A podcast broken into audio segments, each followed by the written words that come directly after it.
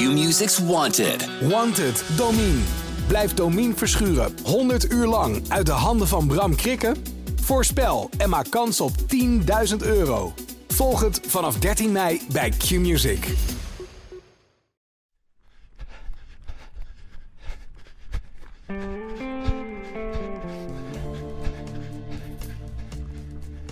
Het zou kunnen zijn dat Olivier en ik eerder aan de start kunnen staan. Want dat de masters wat eerder gevaccineerd kunnen Ja. worden. Dat we wat eerder op Hebben ook eens een voordeel. Hallo, ik ben ook een master volgend jaar, hè? Voorjaar, voorjaar. Nou ja, dat- dat zou zomaar kunnen. Ja, ik ga als master ga ik naar de Olympische Dus Spelen. dat wij gewoon ergens in het voorjaar al gewoon een, eh, een, een wedstrijdje mogen lopen. Ja. Alleen voor masters. Ja, En eh, ja, het kan inderdaad zijn dat Joh, ik, ik, jij ik, ik, zou het jullie gewoon gunnen. Ik zou het jullie echt gunnen.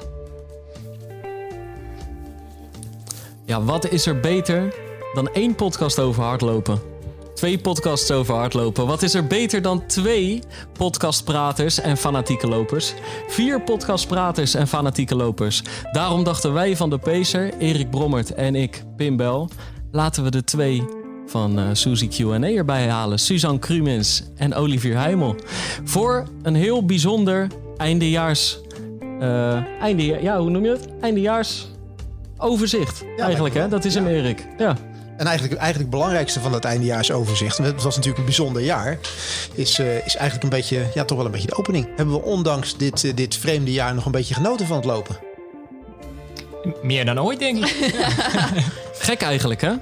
Wij kwamen ook tot diezelfde conclusie. Eigenlijk al eh, eerder dit jaar, halverwege het jaar. Einde van het jaar staat het nog steeds boven water. Dat is toch wel een soort gekke, gekke conclusie dan, toch? Maar, maar is, dat, is dat een conclusie van, ik, eh, ik, ik hoor jou het zeggen, eh, Olivier, meer dan ooit.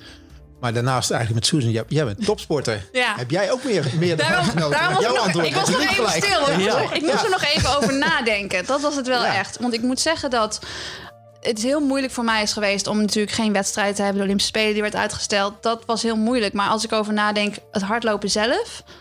ik ben me wel meer gaan realiseren dat ik wel echt van lopen zelf hou. En ook op die momenten dat ik aan het trainen was... en dat er geen wedstrijden op programma stonden... en dat ik gewoon in het bos verdwaalde... in mijn eentje een lange duurloop aan het doen was... dacht ik wel van ja, ondanks dat ik nu niet echt direct een doel heb om voor te trainen... wat ik natuurlijk echt al twintig jaar achter elkaar wel heb gehad...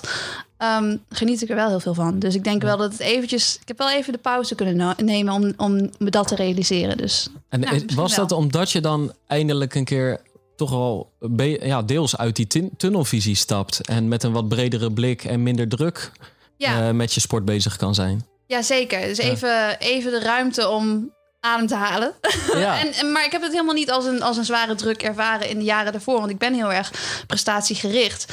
Maar soms dan met alles wat er omheen zit en eh, limieten. En eh, je probeert medailles te winnen. En sponsoren gelukkig te houden. En je probeert alles te doen om zeg maar, het maximale uit je carrière te halen. Ja. Vergeet je soms waarom je begonnen bent. En Ja. Daar ben ik nu wel een beetje, beetje teruggekomen bij de basis. Zo van, oké, als ik gewoon door het bos vlieg in mijn eentje... en niks hoor en gewoon naar mijn ademhaling luister... dan ben ik eigenlijk wel heel gelukkig. Ja. Dus- Maar wanneer, wanneer ontstond die, die rust? Want ik kan me ook voorstellen dat je de eerste half jaar nog een soort van tussen hoop en, nou ja, ik zeg niet vrees, maar dat je er een be- beetje tussenin hangt van ja, het is nog helemaal niet zeker dat die spelen worden afgelast. Ja. Uiteindelijk, jij bent al gekwalificeerd, dus dat geeft al een, eh, gaf al een stuk rust. Ja, Maar ook tegelijkertijd misschien wel een soort van onrust van wanneer moet ik beginnen of moet ik wel beginnen of Ja, ik moet zeggen dat toen de Spelen, toen het nog niet duidelijk was dat ze werden uitgesteld, toen had ik, toen kon ik niet goed trainen, want ik inderdaad, je wil echt alles geven om daar zo goed mogelijk te staan, maar daarvoor moet je wel ook heel veel risico nemen en risico om geblesseerd te raken. En wil je dat wel als je niet zeker weet of het doorgaat? Dus ik, voor mij was dat het moeilijkste moment. En toen het uiteindelijk werd uitgesteld, toen kwam die rust meteen. Toen Ja. had ik echt zoiets van: oké, nu weet ik, we hebben een, een extra jaar. Eh, ik moet gewoon nu eventjes kijken wat, wat ik wil doen qua training. Of ik wil proberen om nog virtuele wedstrijden te lopen. Of ik Ja. Iets anders wil gaan doen. Maar uiteindelijk ja, eh, kreeg ik weer last van mijn Achillespees. En, en ik heb uiteindelijk mijn wedstrijden niet kunnen lopen. En het, uiteindelijk werd het een beetje, nou ja, een beetje een, een zomer waarbij ik geen wedstrijd heb gelopen. En eigenlijk Ja. een beetje verloren. Maar tegelijkertijd ja, ben ik niet in paniek geraakt. En heb ik zoiets van, nou, die spelen die, dat zijn een jaar verplaatst. Dus ik heb nog extra tijd. Dus het is ja, uiteindelijk wel oké geweest. Dus op zich een mooie realisatie, maar niet zoals Olivier meteen zei. Nee. Meer dan ooit. Nee, nee, maar dat is natuurlijk, je bent zo prestatiegericht. Ja. Dus dat is dat. Dat hoort erbij. Ja, Dat is Ja. daar, daar, uiteindelijk leef ik wel voor de wedstrijden. Ik vind dat wel het allermooiste. En ik denk dat heel veel eh, mensen die, die voor een marathon aan het trainen waren, ook in eerste instantie zullen zeggen: nee, het is een verloren jaar. Want ik heb niet in Rotterdam een marathon kunnen lopen, terwijl ik er wel voor getraind heb. En ja, normaal dan investeer je in zo'n doel. En, en dat- uiteindelijk komt het er dan uit. En dan is het het allemaal waard geweest. En als je dan niet die wedstrijd hebt kunnen lopen, Ja. dan, dan, ja, dan geeft dat toch een beetje een nare bijsmaak. Maar nou, uiteindelijk, er komt alweer een wedstrijd, toch? En jij, Olivier? Ja? Ja, ik vroeg me nog bij Suzanne af. eh, Scheelt het qua stress wel dat niet de een na de andere Nederlandse dame op de 10 kilometer zich ook plaatste?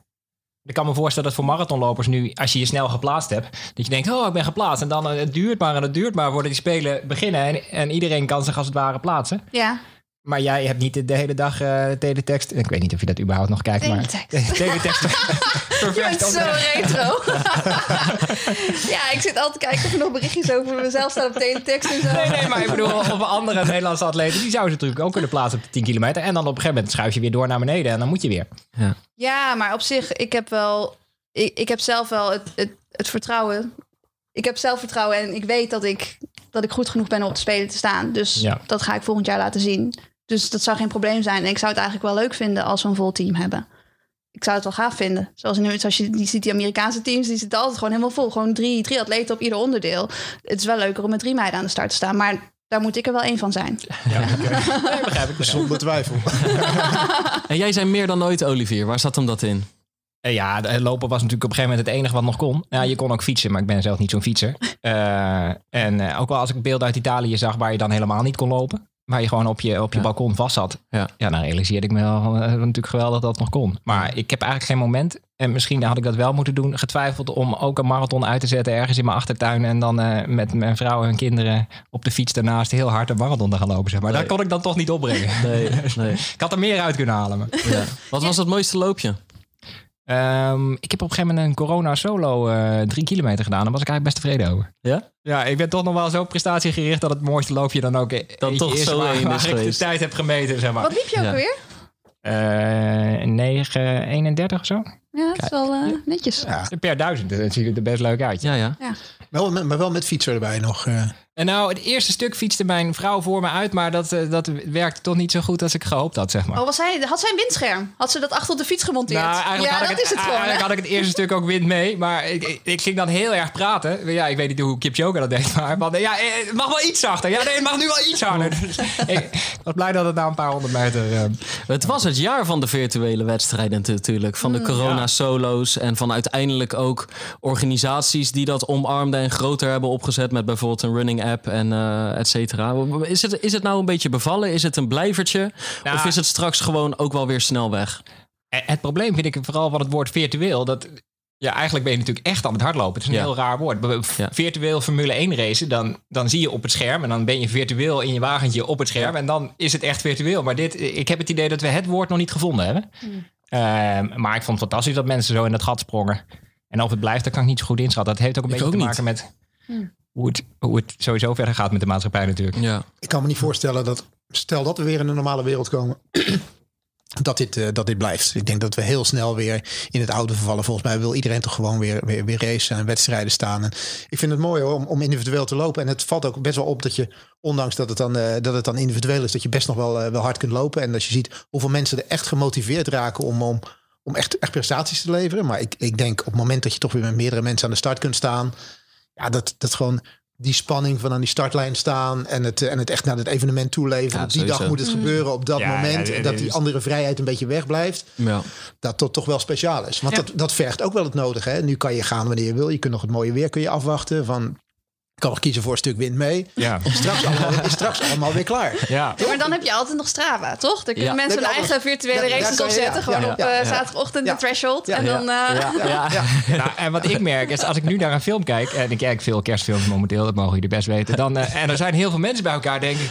Oh, oh, wat mensen bij elkaar. Ja. Dat klinkt wel heel kerstig dit, maar... Ja. Dus het lijkt me wel de eerste keer dat ik weer bij de, bij de Rotterdam Marathon sta... en met 40.000 anderen, kan ik me nou nog niet voorstellen... dat ik daar me heel zo lang bij ga voelen. Wat natuurlijk wel weer gaat komen. Ja. Nou ja, zo, Ja. Heb, zo heb ik zelf, zelf nog wel een moment ervaren. Ik heb het volgens mij al eens vaker genoemd. Dat op 7 maart gewoon nog de City Pier City loop is gelopen. Ja. Ja. Met 20.000 mensen. Ja. Ja. En ik eh, op dat moment Mario Kadix eh, s s'avonds nog hoor zeggen bij Studio Sport van... eh, Nou, de marathon over volgende maand natuurlijk gaat hij gewoon door. Ja. Ja. En, en vier dagen later eh, ging heel, of vijf dagen later ging heel Nederland plat. ja, Brabant was toen al plat, ja. Ja, die- dat, was, dat was al zo. En, maar daar hebben gewoon 20.000 mensen van tevoren aan de startvak, eh, in de startvak gestaan, bovenop elkaar. Twee uur lang eh, lopen, lopen spugen en snotteren achter elkaar door. Daar is niks. Daar Er zijn ook geen gevallen bekend of zo. Nee. Ja, uiteindelijk heb ik toch weer voor de verkeerde halve gekozen. Ik kies altijd, ik kies gewoon niet Jij mensen hoort die- het verhaal aan en je Ja. denkt, daar had ik willen zijn. Nee, ja, ik weet dat. Ik Ja. weet nog dat ik het toen keek dat ik toen dacht van... Oh jongens, Ja. ik ben in vorm. Ik moet hier gewoon Ja. lopen. Nee, we gaan, Dit was hem. nee, we gaan toch niet. Nee, want hoe, be. hoe hebben jullie dat moment meegemaakt? Ehm, want een week later, ik weet nog op een zondag, ehm, gebeurde, gebeur, was het moment van alles gaat dicht. Hm. Hoe, eh, Ja, ik, ik was in Portugal volgens mij net als eh, Pim. Ja. Eh, ik was alleen een, een dorpje verderop. Eh, heel hard aan het trainen voor de Rotterdam Marathon ook. Eh, en er kwamen wel steeds meer berichten toen dat internationale marathons niet doorgingen. Ik weet nog dat het één avond ging, zat ik eh, met Imo, mijn collega, die was er ook, gewoon op de kamer. En waren we berichten aan het doorsturen. En toen zeiden we op een gegeven moment hoorden van iemand dat de Parijs Marathon niet doorging. Dus dat, dat bracht ik gelijk. En vervolgens zei iedereen Parijs, maar Parijs gaat wel door. Hoe kan je dat nou beweren? Ik kreeg heel veel berichten. En toen gingen we terug naar onze bron. Die zei, ja, hij gaat niet door, maar dat wordt pas over vier dagen bekendgemaakt. Oh, no. Dus nog niet op internet zitten. Oké. Oh, oh. Herinner me vooral een beetje die stress. Ja. Ehm, ja, en ook wel bij de CPC. Maar ik geloof wel dat, dat, dat mensen daar al hadden gehoord van dit zou wel eens de laatste kunnen zijn. Ja, het hing er natuurlijk wel echt een beetje omheen. Zo van, eh school was natuurlijk al afgelast. Nee, toen- maar school, dat was vanwege de wind. Vanwege de wind. Maar ik weet wel nog dat wij toen een aflevering hebben opgenomen van we zijn klaar met. Toen noemden we het nog corona-narigheid. met terugwerkende kracht ook een beetje raar. En toen was het een beetje zo'n vervelend ding. En berichten uit het buitenland. En eh, het zal toch niet straks ook nog naar Nederland. Dus we waren klaar met de corona-narigheid en met de wind. Want Ja, dat want- was er toen al een paar weken. Ja. En, Ja. en wedstrijden gingen niet door. En, maar toen, dus er hing al wel zoiets van: het zal toch niet dat corona straks ook, hè, als je het dan op jezelf betrekt, eh, naar Nederland komt en ook voor onze hardloop-evenementen eh, gaat liggen. En toen, toen weet ik nog, ik heb dus CPC dus ook niet gedaan, omdat we op trainingskamp Ja. gingen in Montegordo. Maar dat was eigenlijk met terugwerkende kracht de wedstrijd geweest waarin ik nog iets van die marathonvorm had kunnen verzilveren. Want ik weet zeker dat ik toen een goede halve had kunnen lopen. Maar we zagen het toch wel een beetje aankomen. Want ik weet, jij ging naar Portugal. Wij gingen en, We en hebben van wij- tevoren ja, gezegd, Ja. Er komt een moment dat we misschien wel even moeten bellen om een podcast op te gaan Ja, nemen. Want eh, ja, ja, ja. er gaat eigenlijk misschien wel een heel groot evenement afgelast worden. Ja. En dan, Ja. eh, Ja, ja, die emotie wil ik wel eventjes hebben van jou. ja en toen, toen was het ook nog zo, want, want eh, eh, eh, wij waren daar natuurlijk met 60 lopers, allemaal voor de marathon aan het trainen.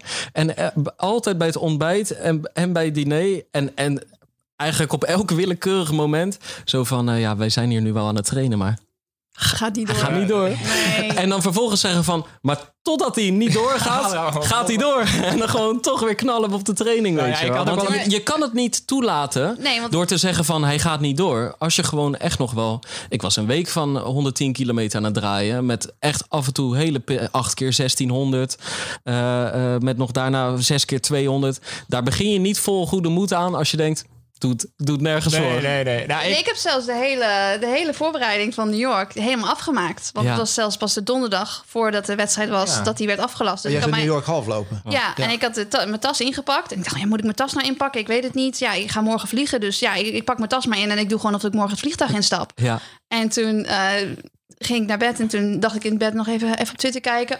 Oh my god, hij is afgelast. Ja. En er was heel veel discussie over of het, of het door zou moeten gaan of niet natuurlijk in de, in de dagen ervoor. Maar ik dacht, Hmm. nee, dat gaat door. Gaat absoluut Ja. door. Ja. maar het jaar daarvoor werd de CPC afgelast. Door de wind. En, en Door de toen wind. vertelde jij dat jouw man zei... eh, What does af, afgelast mean? Oh Ja, ja. inmiddels weet het, denk ik. Ja, inderdaad. Hij weet heel goed wat afgelast meent. Ja. Ja. dat was echt eh, toen inderdaad ochtends voor CPC in, eh, in Ja. 2019. En toen had ik natuurlijk ook die hele halve marathon voorbereiding gedaan. En zo'n Ja. voorbereiding is voor mij als 10 kilometer loopster goed voor later in het seizoen. Dus Ja. dat is oké. Ja. Alleen om keer op keer door die voorbereiding heen te gaan en te weten, ik Ja. kan een snelle halve, halve lopen.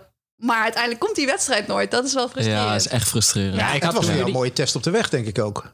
Sorry? Het was voor jou ook een mooie test op de weg, denk ik, om, eh, om te Ja, kijken hoe je zeker. ervoor staat. Ja, ik was ook al klaar voor om hard te lopen in school. Dus het is, ik heb dit jaar gewoon alle wedstrijden waar ik klaar voor was, die zijn niet doorgegaan. en vervolgens was ik niet klaar voor wedstrijden. En het gingen er wel weer wedstrijden door. Dus mijn timing is echt gewoon verschrikkelijk geweest. Ja. Aan de andere kant slechte heb je het lichaam ook wel enorm gespaard. Weet je, je hebt iedere keer naar een Ja, maar dat weet ik dus niet. Ja.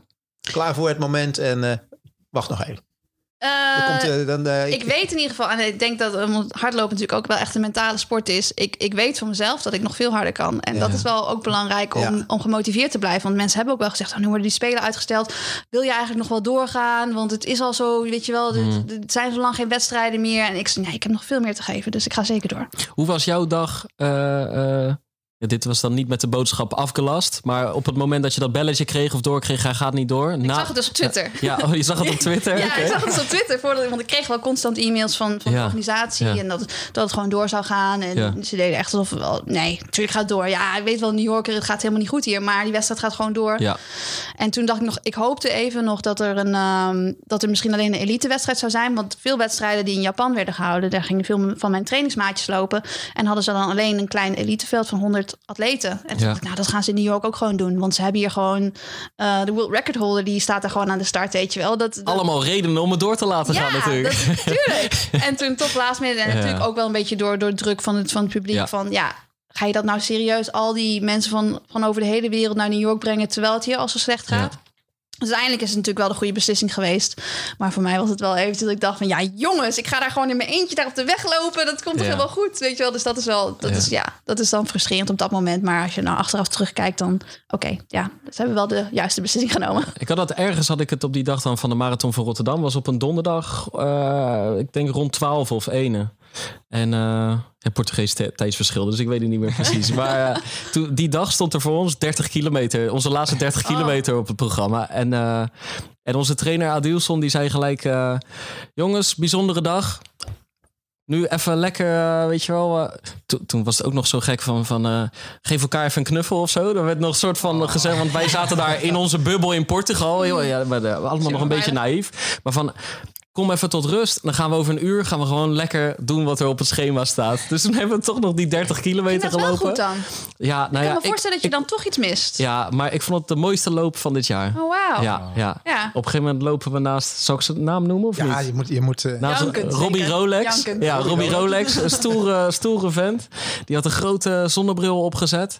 En, eh, echte Rotterdammer over. Echte? Rotterdammer. En we waren zo 20, 25 kilometer onderweg. En hij zegt, eh, Pim, René, eh Charles... eh, ik, ik kan dan wel een hele grote kekke zonnebril op hebben. Maar jullie mogen best weten, daarachter zit Robbie gewoon te huilen hoor. Oh. En toen zag ik inderdaad van die tranen naar beneden komen. En die heeft gewoon die heeft jong, eh, een jong dochtertje. En Ja. het is toch, hè, die staat om vijf uur 's ochtends op. Om dan voor zijn werk in de bouw eh, gewoon altijd elke dag te trainen. En dat soort momenten, dan komt het toch even naar boven. Want ik bedoel, we hoeven het ook niet groter te maken dan het is. Al die opofferingen, want we doen iets wat we leuk vinden. Maar dat komt dan toch even naar boven als je dan uiteindelijk dat mooie moment niet krijgt. En dat, dat maar Voor toch. ook echt het hoogtepunt van het Ja, jaar. altijd. Dat, eh, Al weer. Twee weken zenuwachtig. En, eh, maar toch, wij hebben elkaar toen die avond gebeld, of einde middag, met die 30 kilometer in de benen. En volgens mij na een, eerst een heel, eh, heel veel gevloek en wat emotionele zinnen, kwam toch ook wel het besef wat jij net zegt van, maar eigenlijk was het natuurlijk ook gekke werk. Ja. Want je ziet het al, kijk, met 40 lopers, eh, waarmee we toch al aan het trainen waren, eh, in een hotel zitten en dan buiten gaan lopen. Dat voelde toen nog best wel oké, eigenlijk. Heel natuurlijk nog, want we zaten er gewoon nog niet middenin. Maar toen dacht je al wel van, ja, het kan toch bijna niet, weet je wel? Eh, Want het was natuurlijk, eh, Rutte ging die persconferentie geven met handen schudden en zo. Ja, hoe zie je dan het startvak voor je in Rotterdam en al dat publiek? Dat kan ook bijna niet. Maar ik had ook wel wat relativering, want toen jullie school liepen, toen zou ik de Tour Rivers marathon Ja. lopen hier in Zaltbommel. En Ja. die werd Ook een uur van tevoren afgelast. Dus als je het gevoel hebt gehad, als je al die energie hebt opgebouwd voor een marathon, dan gaat die door een uur van tevoren. Ja. En la- later mensen zeggen, dat kan je niet maken, een maand van tevoren een marathon af, aflassen. Dan dacht ik, ja, maar een uur van tevoren heb ik ook meegemaakt. Dus ja, joh, derde dagen. Jouw drankjes waren ook, stonden al klaar. Ja, Ja. Koen de Jong nog in de podcast gehad. Die ook natuurlijk ja die wilde ook daar, was, eh, daar Oh, gaan ja. lopen. om Ja. daar die, eh, die marathon te gaan, eh, te gaan lopen. Ja. Die, had daar, die had eigenlijk getraind op de traditionele manier. Ja, die had voor het eerst het dat nu, 14 kilometer schema losgelaten. Dus, die, dus die, heeft, oh, die heeft eindelijk een keer al die duurlopen gedaan. En toen ging de marathon niet door. Ja, maar wat je wel zegt over die Robbie, Robbie Rolex. Ja, ja, ja. Robbie Rolex is zijn bijnaam omdat hij is de man van de klok. Als het, als het ook maar even kan, dan gaat hij op kop lopen Ja. en dan bepaalt hij het tempo. Oké. vandaar de Rolex. Ja, I see. Ja. Ehm, maar dat hij dan emotioneel wordt en natuurlijk dat een marathon wordt afgelast, is natuurlijk ook vervelend. Maar het is eigenlijk wel mooi dat er zoveel emotie in zit. Ja, omdat je er zoveel in veel moet investeren. En dat is natuurlijk ook als iets wel lukt. Ja. Zo mooi eraan. Dus ik vind wel, Ja. dat is wel hardlopen, toch? Dat is echt het hardlopen. En daarom denk ik, eh, maken we ons ook zo druk over. En daarom hopen we ook dat, die, dat volgend jaar weer meer dingen doorgaan. Omdat dat gevoel erachter achter zit. Ja. We Ja. willen, willen die high weer. Ja, toch? Want als Ja. het allemaal op zijn plaats valt, dat Ja. is mooi, ja. Want ik had het zelfs al afgelopen zomer met een paar van die baanwedstrijdjes. Eh, toen, hè, de- toen de rust een beetje was wedergekeerd en eh, een beetje tussen de eerste en de tweede golf in. Dat je al zo blij kon worden van gewoon één serie met z'n achttienen kunnen lopen, weet je wel. Nog so- soms zelfs zonder publiek en zo. Maar dat was dan al iets meer in die richting, weet je Mhm. Wel. Ja. Maar er is uiteindelijk nog best wel wat doorgegaan. Ik bedoel, Ja. qua, qua baan is er best wel Ja, wat, zeker. doorgegaan. Er ontstond best wel, eh, wel wat. En iedereen weet toch wel op zijn eigen manier eh, uiteindelijk weer wat, weer wat te verzinnen om toch gemotiveerd te blijven. En als je dat dan uit- uiteindelijk kijkt door het jaar heen, wat dat bij, bij sommigen, nou, eh, niet alleen toplopers, maar andere lopers tot prestaties heeft geleid. Als ik alleen al kijk bij, bij jullie in de groep, gewoon bij, binnen de lokale atletiekverenigingen, hoe gemotiveerd iedereen eh, was en wat er aan tijden gelopen is, is het misschien ook helemaal niet zo, eh, zo gek geweest dat er, eh, er een keer op een andere manier gedacht moest worden. Nee, en ik denk voor sommige mensen ook omdat ze zijn, omdat ze moeten thuiswerken, dat ze uiteindelijk dat ze Ja. eigenlijk zelfs wat meer tijd kunnen maken, omdat ze dus niet naar het werk hoeven te reizen om, om even te lopen. Ik merk dat bij Andrew dat hij dan gewoon eventjes in zijn pauze eventjes snel loopt, omdat hij gewoon vanuit thuis kan lopen, weet je wel. Dus ik denk dat voor sommige mensen dat ze juist meer zijn gaan hardlopen en ik ik zie ook wel veel meer hardlopers buiten lopen. Ja. Gelukkig hebben we nu steeds meer hardlopers ook echt hardloopschoenen aan. Maar in maart zag ik echt allemaal lopers op, op hockeyschoenen en uh, Ja. voetbalschoenen door het bos eh, Ja. rennen. Uh, ja. die natuurlijk Nou, eigenlijk liever hun eigen sport deden. Maar nou ja, sommigen zijn ook wel blijven hangen in het hardlopen, denk ik. Ja. Nou, ik denk dat er heel veel nieuwe lopers zijn Ja. eh, bijgekomen. Heb jij natuurlijk in de, in de, in de zaak ook gezien. Wij, wij hebben het Ja. gemerkt, ja, ja, ja. Want toen de marathon werd afgelast, dat waren echt onze topweken. Ik dacht, oh, daar gaan we. En, Mhm. eh, echt, en, en in de maand april werd uiteindelijk gewoon nog een normale maand. Zoals het, het eh, die andere jaren daarvoor ook was. En dat kwam door al die mensen die gingen hardlopen. Wij hebben nog nooit eh rijen voor de deur gehad. Ja. Maar echt een van de hoogtepunten die wij in de winkel hebben gehad... is dat, eh, dat onze, onze, onze buren telefoneerden of wij de rij die bij hun voor de deur stond... of we die een klein beetje wilden opschuiven. Nice. En eh, Niels, Niels die zei dat Erik krijgt nou een raar telefoontje van de buren. Ik zei, "Nou, dit is toch het grootste compliment wat we kunnen Ja. krijgen. Wat willen we nog meer, weet je wel? Inlijsten. Inlijsten. Mensen in de rij voor Ja. de deur. En dat was ook wat grote geluk. Het was in die periode ook mooi weer. Mhm.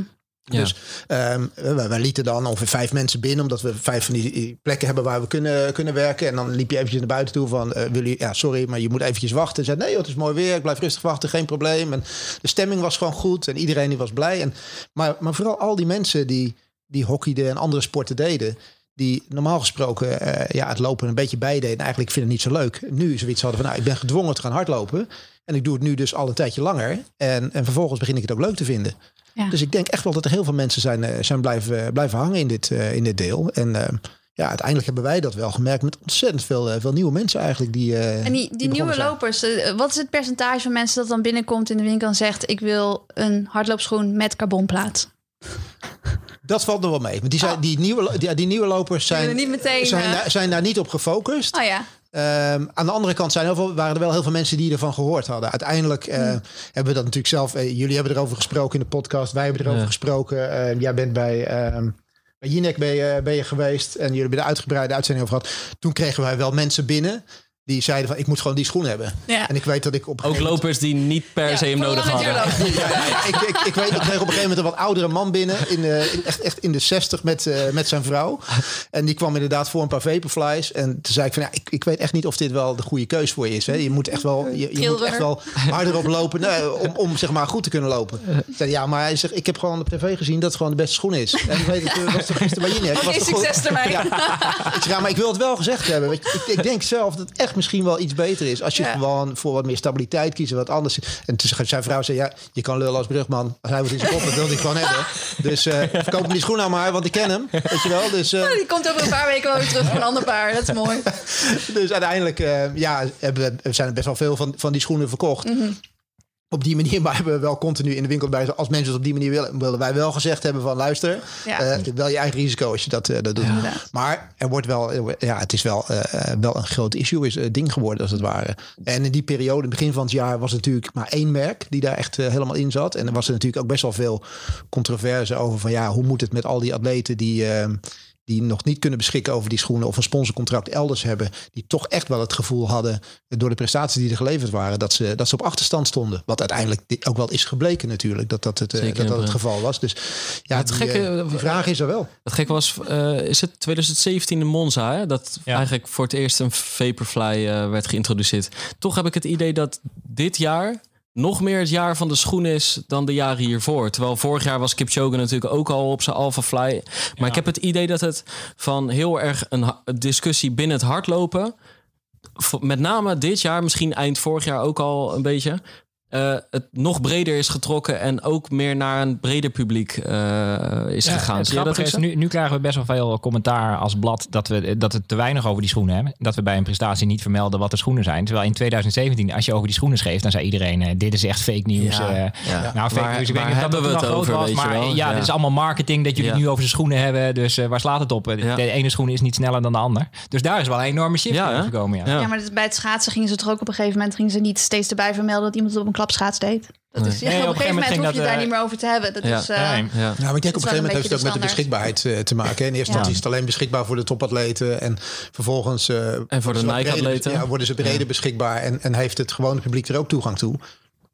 En begint te beseffen van, hé, hey, dit is daadwerkelijk iets heel anders. En hè, mensen hadden in eerste instantie natuurlijk altijd het idee van, je kan er sneller op lopen. En ik weet dat wij, denk twee jaar geleden, op het moment dat eh, Abdi in, Rotterdam het Nederlands record liep, dat ik op een eh, vrijdagochtend met hem eh, door het Kralingse Bos heen liep. En ik zei van, nou, wat is nou, wat, wat, vind je nou zo bijzonder aan, aan die schoenen? En dat hij toen eigenlijk zei van ja, de bijzonderheid is niet zozeer dat ik er harder op loop, maar dat het gewoon de belasting veel minder groot Ja. is. En dat mijn herstel na een, eh, na een intensieve training gewoon veel beter is dan dat het was. En dat is de winst voor ons die, eh, die het maakt. En dat vond ik wel heel interessant. Dat eh, dat, dat toen eigenlijk zijn, zijn belangrijkste opmerking was van die eerste modellen die er waren. En, en, en dat beseffen ze natuurlijk nog, nu steeds groter aan het worden. Maar en er wordt ook gewoon wel harder op gelopen. zeker harder op Ja, ja, maar, ja, want maar op het moment dat de vermoeidheid later gaat optreedt, gewoon kan je ook langer een, doorgaan op die hoge snelheid. Dus ja. gaat gewoon echt wel een nieuw tijdperk in. Ja. Waarin tijden niet altijd meer met de tijden van het verleden eh, te vergelijken zijn. Eén op één te vergelijken zijn. Nee, nee, maar op een gegeven moment was ik in 1940 denk ik ook nog wel een Nederlands recordhouder op de 800 meter geweest. Dus er is sowieso Ja. natuurlijk wel Ja. een, een zekere ontwikkeling. Maar het heeft me wel verbaasd de, de, de, de ernst waarmee de discussie wordt gevoerd. Dat, dat de Volkskrant het over fopschoenen heeft. ja. Ja. Op een gegeven moment gingen mensen voor het eerst op hoogtestage. Of ze, ze namen in plaats van een stalen Ja. fiets een carbonfiets. Ja. En dan las je niet een fopfiets. Nee. Of een fopstage. Of, eh, Of de Sintelbaan naar de Tartan naar Mondobaan. Ja. Dat is toch ook niet van ja, maar eh, ja, en terwijl er ook interessante dingen over te zeggen zijn. Bijvoorbeeld dat die Alpha Fly dan echt... Dat de meeste atleten daarvan afzien omdat die echt geschikt is als je puur op je voorvoet loopt. Eh, en dat er meer valpartijen waren, bijvoorbeeld in Londen. Eh, nee, laatst in eh, Valencia hadden we het erover. Dat, Oh ja. dat Iedereen best- zich zorgen maakt over die laatste bocht. Ja, Ja, ja, geen bocht gelopen, hè? het scherpe bocht op hoge snelheid. Ja, ja, is een probleem, is, ja. is, echt wel een, is echt wel een probleem. Dat, Ja. eh, Maar ook in dat, verhaal, in dat verhaal stonden eigenlijk heel veel rake dingen. Alleen de term fopschoen, dat is, dat is het gewoon niet. Want zelfs ik, er zijn dagen dat ik nog steeds denk van... Was dat maar gewoon allemaal bij het oude geweest? Weet je wel, een beetje zo'n nostalgisch gevoel. Maar dan alsnog, kijk, een fopschoen, dat wordt het als je eh, na de landing eh, veel meer energie en kracht terug zou krijgen. Dan zijn we niet meer met hardlopen bezig, denk ik. Maar nu nog steeds, je krijgt meer energie terug dan in het verleden. Maar je bent nog steeds gewoon Maar je moet je jezelf energie er wel pijn aan het doen. Je moet die Ja. energie er wel instoppen. instoppen, dat Zeg maar, sowieso. dat is zo. Dat ik denk, sowieso. het is een fopschoen als iedere Henkje in de straat Ja. die schoenen aantrekt en, En- gewoon twee uur op de marathon loopt. Dan is Ja, het een fopschoen. Ja. Maar er zit geen motortje in. Hè? Nee. je moet het nog steeds zelf En, doen. de, en de, Dus het- standaard, de standaard is nog steeds zo. Er mag niet meer energie uitkomen dan dat erin gaat. Juist. En het is aan jou om die energie erin te stoppen. ja. Ja. Dus, Ja, wat ik ook niet heb gemerkt is bij de klapschaats waren er bepaalde schaatsers die er beter op gingen en anderen die, die wegvielen, zeg maar. Gerard van Velde die er niet mee overweg kon. Maar ik kan eigenlijk geen atleten noemen die nu heel erg slachtoffer zijn geworden. Los van het feit dat ze een schoenencontract hadden bij iemand anders. Maar die technisch niet aankunnen waardoor ze opeens uit de top zijn weggevallen. Of ken je wel voorbeelden van? eh? Nee, maar er zijn natuurlijk bijvoorbeeld atleten die, die goed op de Alpha Fly lopen en anderen die daar, Ja. die daar die wat minder op mee Maar bij Spikes denk ik was het verschil misschien nog wel groter dit seizoen. En daar heb ik bijna niemand over gehoord. Nee, nee, nee. Misschien ook omdat, omdat los van bijvoorbeeld die eh, wereldrecords in Valencia, Cheptegei en Guidai. eh, er is natuurlijk ook geen groot toernooi geweest. Misschien had het dan, eh, Ja. was het dan wel echt een ding geweest. En het wordt niet gebruikt door een groot publiek. Weet je wel, het was nog. Het is, het is, het is een redelijk kleine community waarin die, eh, waarin die Spike natuurlijk eh, gebruikt werd. Maar ook dat ging best wel heel snel. Ik weet Ja. dat wij die Spike beschikbaar eh, kregen in, in de winkel. En ik, ik ben nog nooit zo snel door Spikes heen, heen geraakt. Doordat, eh, doordat mensen door hadden van... hey, dit is echt wel op het gebied van Spikes de Vaporfly en echt een wonderspike. Dus ik moet hem zo snel mogelijk hebben. Wij werden echt door het hele, uit het hele land werden we gebeld van... heb je nog wat? Ja, Mike wordt zelfs volpin genoemd, joh. Ja. Dat is echt ongelooflijk welke kant het op Ja, gaat. maar Pim, jij hebt toch allemaal PR's gelopen dit jaar op de Ja, baan? Was ja. dat dan op een Fopspike? Of, Ja, ja, kwam ja, het dan door de training of door de? Ja, kijk, ik, ik, ik, ik eh, eh, eh, heb gelukkig, wil, wil ik bijna zeggen. Nee, nee, ja, nee, dat is gewoon kloten. Maar ik, ben, ik ben, heb er echt drie jaar lang uitgelegen met de jou welbekende Achillespees zorgen. Narigheid. Waardoor mijn PR's echt stonden uit jaren 2015, 2014, 2013. Ja. En ik heb daarna, toen ik eindelijk weer mocht en kon, dusdanig goed opgebouwd. En op een gegeven moment ook op een gewoon echt een ander level gaan trainen. Dat het, het maakt nu, nou ja, inmiddels weer wel. Maar het maakte even niet uit op welke schoenen ik liep. Want mijn basis was gewoon zo goed dat ik sowieso mijn oude PR's de boeken uitliep. Want ik heb bijvoorbeeld eh, de bruggenloop. Toen iedereen op de Vaporflies liep, daar werd ik twaalfde op gewoon met eigenlijk met trainers. Toch? Die, Kan je eh, nagaan wat, wat gebeurt? Ja, ja, ja, nou, Ja, op de 1500 meter liep je op mijn trainingsschoenen. Je, Ja, toen heb ik nog een berichtje gestuurd. Ja, begin, begin zomer liep ik nog steeds op mijn trainingsschoenen. Omdat ik dacht, ja, ik ben heb er zo lang uitgelegen met Achillespezen. Ik wil nog helemaal geen spikes aan. Ja, maar het duurde ook even voordat je eraan wilde. Ja, ja, ja. dat- Omdat, een ik denk dat jij dat wel herkent. Er zit, zeg maar, als je zo lang... Ik had echt drie jaar lang dagelijks, elke minuut van de dag Achillespeesklachten. Ja, dan, dan moet je wel even een drempel over om weer spikes aan te trekken. Ja. Dus, eh, eh, maar absoluut, toen ik ze eenmaal aan had... Toen ben ik wel nog harder daardoor gaan lopen. Want ze helpen gewoon. Ja, ja. Ja. Maar het Nee, is niet dat ik nu is denk... Wel, ik- het is wel ongeveer het slechtste wat je kunt doen voor je Achillespees. Ja, dus ik denk precies. dat die, die, rem die gaat, die gaat nooit echt weg. Nee. Maar even over de Vaporflies. Ik denk wel dat er ooit ook een soort van... Ik weet niet of je het placebo-effect moet noemen. Maar als je die schoenen aantrekt, dan weet je al... Ja. Ik loop op een snelle schoen, dus, dus ik ga hard lopen. En ik denk ook wel dat... Kijk, als mensen zeggen dat er, dat er nu opeens heel veel... Bijvoorbeeld eh, de, de mannen die allemaal hard lopen op de, op de marathon... Komt dat door de schoen? Of komt dat ook omdat ze om zich heen zien dat allemaal andere atleten waarvan zij denken ik ben even goed als die atleet, die gaan gewoon lekker op 2.10 tempo Ja. weg en die doen dat gewoon en nou ja, soms dan dan finish je misschien wel iets langzamer, maar Ja. ze proberen dat gewoon omdat ze denken dat ze dat kunnen door die schoenen. En dan is het toch een soort van barrière die je dan in je hoofd kunt doorbreken en ik denk dat het mentale eh, aandeel best wel groot is. Ook. Ik denk dat het beide is. Ja. Het antwoord is dat ze beide helpen. Ja, het is een beetje Ik hetzelfde als geloof dat daar heel je sterk in. Want ik, Ja. ik kan me nog herinneren in de periode dat er eh, voor het eerst onder het uur op de halve marathon gelopen werd.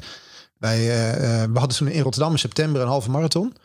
En, en daar, daar, daar liepen op een gegeven moment een paar mensen liepen voor het eerst onder het uur op die, eh, op die halve.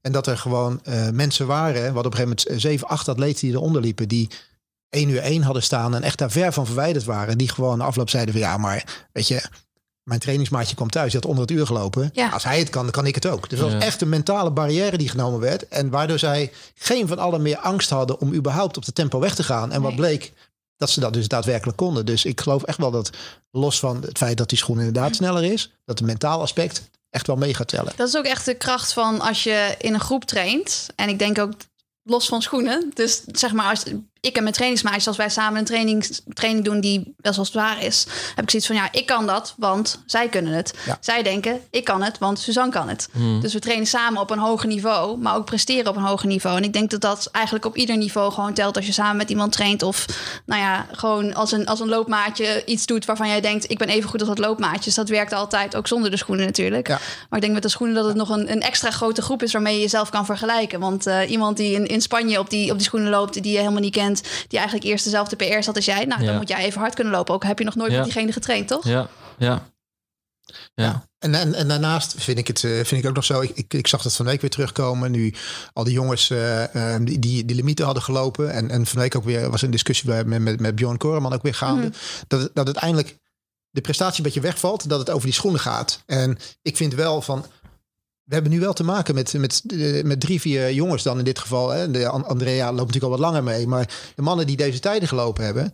ehm, kan je wel zeggen, oké, het heeft met de schoenen te maken. Maar aan de andere kant, het is een hele nieuwe generatie marathonlopers... die volgens mij nog lang niet aan hun top zitten... die echt nog wel harder kunnen. Ja. Dus Ja. Zijn het ze ook gaat van plan, hè? niet... zeg je? Dat zijn ze ook van plan, Ja, hoor. Ja, dat zijn ze ook ja. Ja, maar, maar daarom vind ik, vind ik het zonde dat het zoiets hebben. Ja, ze hebben dit gelopen. Omdat dit, zij staan aan het Ja. begin van hun carrière. Ja. Als zij over een jaar in, in Tokio of in Sapporo aan, de- aan de start staan. Dan, dan denk ik dat zij zelf verwachten dat zij in staat moeten kunnen zijn om onder de 2.10 te lopen. Dus natuurlijk hè, is er misschien een beetje, een beetje lucky dat die limiet nu samenvalt met, eh, met, met die schoenen. En zal de volgende limiet echt wel 2,39 worden of wat dan ook. Maar het zal mij niet verbazen als zij volgend jaar om deze, tijd, om deze tijd in staat zijn om ook daadwerkelijk die tijd te kunnen lopen. Want die rek en ruimte zit er nog in. En ik vind wel, die credits moet je ze wel, moet je ze Ja, wel ja, geven. Die ruimte moet je ze geven. Want het is gewoon een compleet nieuwe generatie eh, atleten die aan de start staan. Nou, ik heb even opgezocht. De laatste Olympische marathon stonden 155 atleten aan de start. Daarvoor de jaren, de keren daarvoor zo rond de 100. Ik vind absoluut dat er een paar Nederlanders bij mogen lopen. Ik vond het zelfs echt een beetje zonde dat het de afgelopen jaren natuurlijk hadden, hadden we Abdi, eh, maar zo weinig was. Het is gewoon veel leuker om naar een marathon te kijken als je weet dat Nederlanders meelopen. is ook hartstikke goed voor de sport. Ja, nee, het was gewoon eh, in de, bij de Spelen daarvoor hartstikke mooi geweest als Boonstra en Butter daar hadden gestaan. Ja, zeker. Ja. Want dat scheelde verdomd weinig. In een Ja. tijd dat die limieten in alle buurlanden en eromheen eh, echt wel flink wat lager stonden. En die vervolgens prima mee konden Hm. op, die, op die dag zelf. Dus eh, eh, wat dat betreft is het mooi dat er nu wel een luxe, luxe positie in het deelnemersveld eh, Nou ja, we hadden het net ook naar, over het mentaal toeleven naar tijden. Ik kan me ook nog wel voorstellen dat zo'n Frank Futselaar, als de limiet 2.11.00 was geweest, dat hij dan precies 2.11.00 had gelopen. Want dat gaat natuurlijk ook zo in je Ja. hoofd zitten. Had hij wel zijn snoekduik nog iets verder van de finish in moeten zetten. Net zo bocht, ja. Want je hoorde dat ze hebben lopen rekenen, weet je wel. Dat. Björn ook zei van, nou, ik heb eh, de laatste zeven kilometer heb ik zoveel tijd nodig. Dus ik kan eventueel een klein stapje terug Ja. doen om het te halen om die kramp te voorkomen. Ja. Ja, eh, dat hadden ze anders misschien niet hoeven doen. En was het er wel geweest. Ik denk dat ik geloof wel, daar kan jij beter, eh, beter over oordelen dan, dan ik. Maar als je een limiet moet lopen, dat je jezelf dan ook instelt op die tijd die je moet lopen op dat Liever moment niet misschien. eigenlijk. Zoals Nee. Bart het bijvoorbeeld deed. Ja. Dat is eigenlijk de beste manier om te doen. Je eigenlijk niet zoveel bezighouden met tijd. Maar gewoon met, met lopen en aanzetten en finishen en dat soort dingen. Dus als je heel erg op de tijd gefocust bent... dan loop je eigenlijk juist het gevaar om het juist net mis te lopen. Maar ja, als je niet in betere vorm bent... dan heb je natuurlijk niet de luxe om maar een beetje te vliegen fluiten. Maar als je aan Als het einde van de rit er een beetje bij in de buurt zit, gaat het dan toch niet spelen? Dat je... Nou, ik denk altijd, ja, qua concentratie en waar je, waar je moet zitten eigenlijk met je aandacht, is, is eigenlijk gewoon bij hele kleine dingen zoals ik moet op mijn ademhaling letten, ik moet mijn pas goed afmaken, ik moet eh, proberen in het groepje te blijven lopen. En als je heel erg bezig bent met de toekomst en nou ja, wat voor een tijd je misschien gaat lopen en wat het misschien betekent als je je gaat plaatsen voor de Olympische Spelen, als dat allemaal door je hoofd gaat, dan ben je niet meer het maximale uit je lopen aan het halen. Ja, Dus, eens. Is. Maar is dat Maar ook- tegelijk, tegelijkertijd eh, heb ik bij mezelf het idee, is het ook wel, eh, stel, hè, je hebt bijvoorbeeld eh eh, eh, 2.12.30 niveau, en, maar de limiet is 2.11.30. Of, of eh, bij mezelf op een gegeven moment dat je gewoon beslist van, ik moet en zal gewoon onder die 2.30 gaan komen. Lang van tevoren. Hè? Dus op het moment zelf moet je misschien gewoon invloed uitoefenen op de dingen die je op dat moment aan het doen bent. Maar ergens daarvan tevoren moet je ook wel op een gegeven moment erin gaan geloven dat dat gewoon een tijd is die je kan halen. Waardoor je een beetje een soort van, eh, dat je op een gegeven moment denkt, ja, 230, dat, eh, dat, Ja. gaat, dat gaat hem worden, weet je Nee, maar dat, ja, dat haal je natuurlijk ook uit, uit je training. hè? Ja, dus ja, dat. Dat je, doordat je goed gaat in je training. Maar ehm, volgens mij heeft Abdi ook wel eens zoiets gezegd van dat hij liever niet naar de tijd kijkt. Want soms dan ziet hij een tijd op zijn klok staan en dan denkt hij, wow, dat is heel snel. Oh, dan moet ik me heel slecht voelen. En opeens voelen je benen heel slecht. Ja. Dus dan zie je die connectie tussen je, tussen je hoofd en je benen. En Dus soms je je dat veel te hard dat je dan denkt, puur omdat je op een klok hebt gekeken. Ja, daarom. Ja. Dus dat Maar is denk je dat ook soms niet een beetje het verschil is? Eh, Jij bent even, even nog steeds een beetje meer 5 en 10.000 meter loopster. Hè? Dat, dat jij niet veel meer echt Ja, het racer bent. lukt niet. nee, schrijf het nog maar even in. Nog even niet. maar, jij bent echt, maar dat zijn echt afstanden die echt moet racen. Weet je, daar gaat, het is- het duurt niet lang. Mhm. Ja. En je hebt niet veel, het is niet zoveel, er er moet gewoon knetterhard gelopen worden. Ja. En met die marathon heb je natuurlijk nog wel een beetje van... Nou, ik Ja, een is beetje, meer je moet jezelf berekenen. pacen, moet Ja. een beetje pacen. Maar Ja. eh, dat is ook het mooie, denk ik, aan de afstanden die jij loopt. Ja. Het is gewoon, het is gewoon racen. En Ja, en ik, ik denk ook wel dat het verschil natuurlijk is dat, ik, dat, ik vaak, dat het vaak om klassering gaat. De wedstrijden die ik loop. Ja. Ehm, maar bijvoorbeeld toen in Londen, toen ik aan het hazen was... moest ik inderdaad iedere kilometer moest ik ook ervoor zorgen dat ik een goede kilometer liep. Dan lijkt, ik liep uiteindelijk geloof ik iets van 18 kilometer, maar dan lijkt 18 kilometer dan wel langer dan 18 kilometer. Ja, ja. En zo'n 10 kilometer die ik loop, die is zo voorbij, omdat ik, omdat ik inderdaad niet bezig ben met hoeveel Nee. rondjes ik nog, nog moet Ja, lopen. Dus het is, Ja. het- Ja. ja. voor mij gaat het dan wel sneller voorbij. En ik vind het eigenlijk fijner om niet op tijd te focussen. Maar ja, als je haast, dan moet dat natuurlijk. Ja, ja, ja. ja.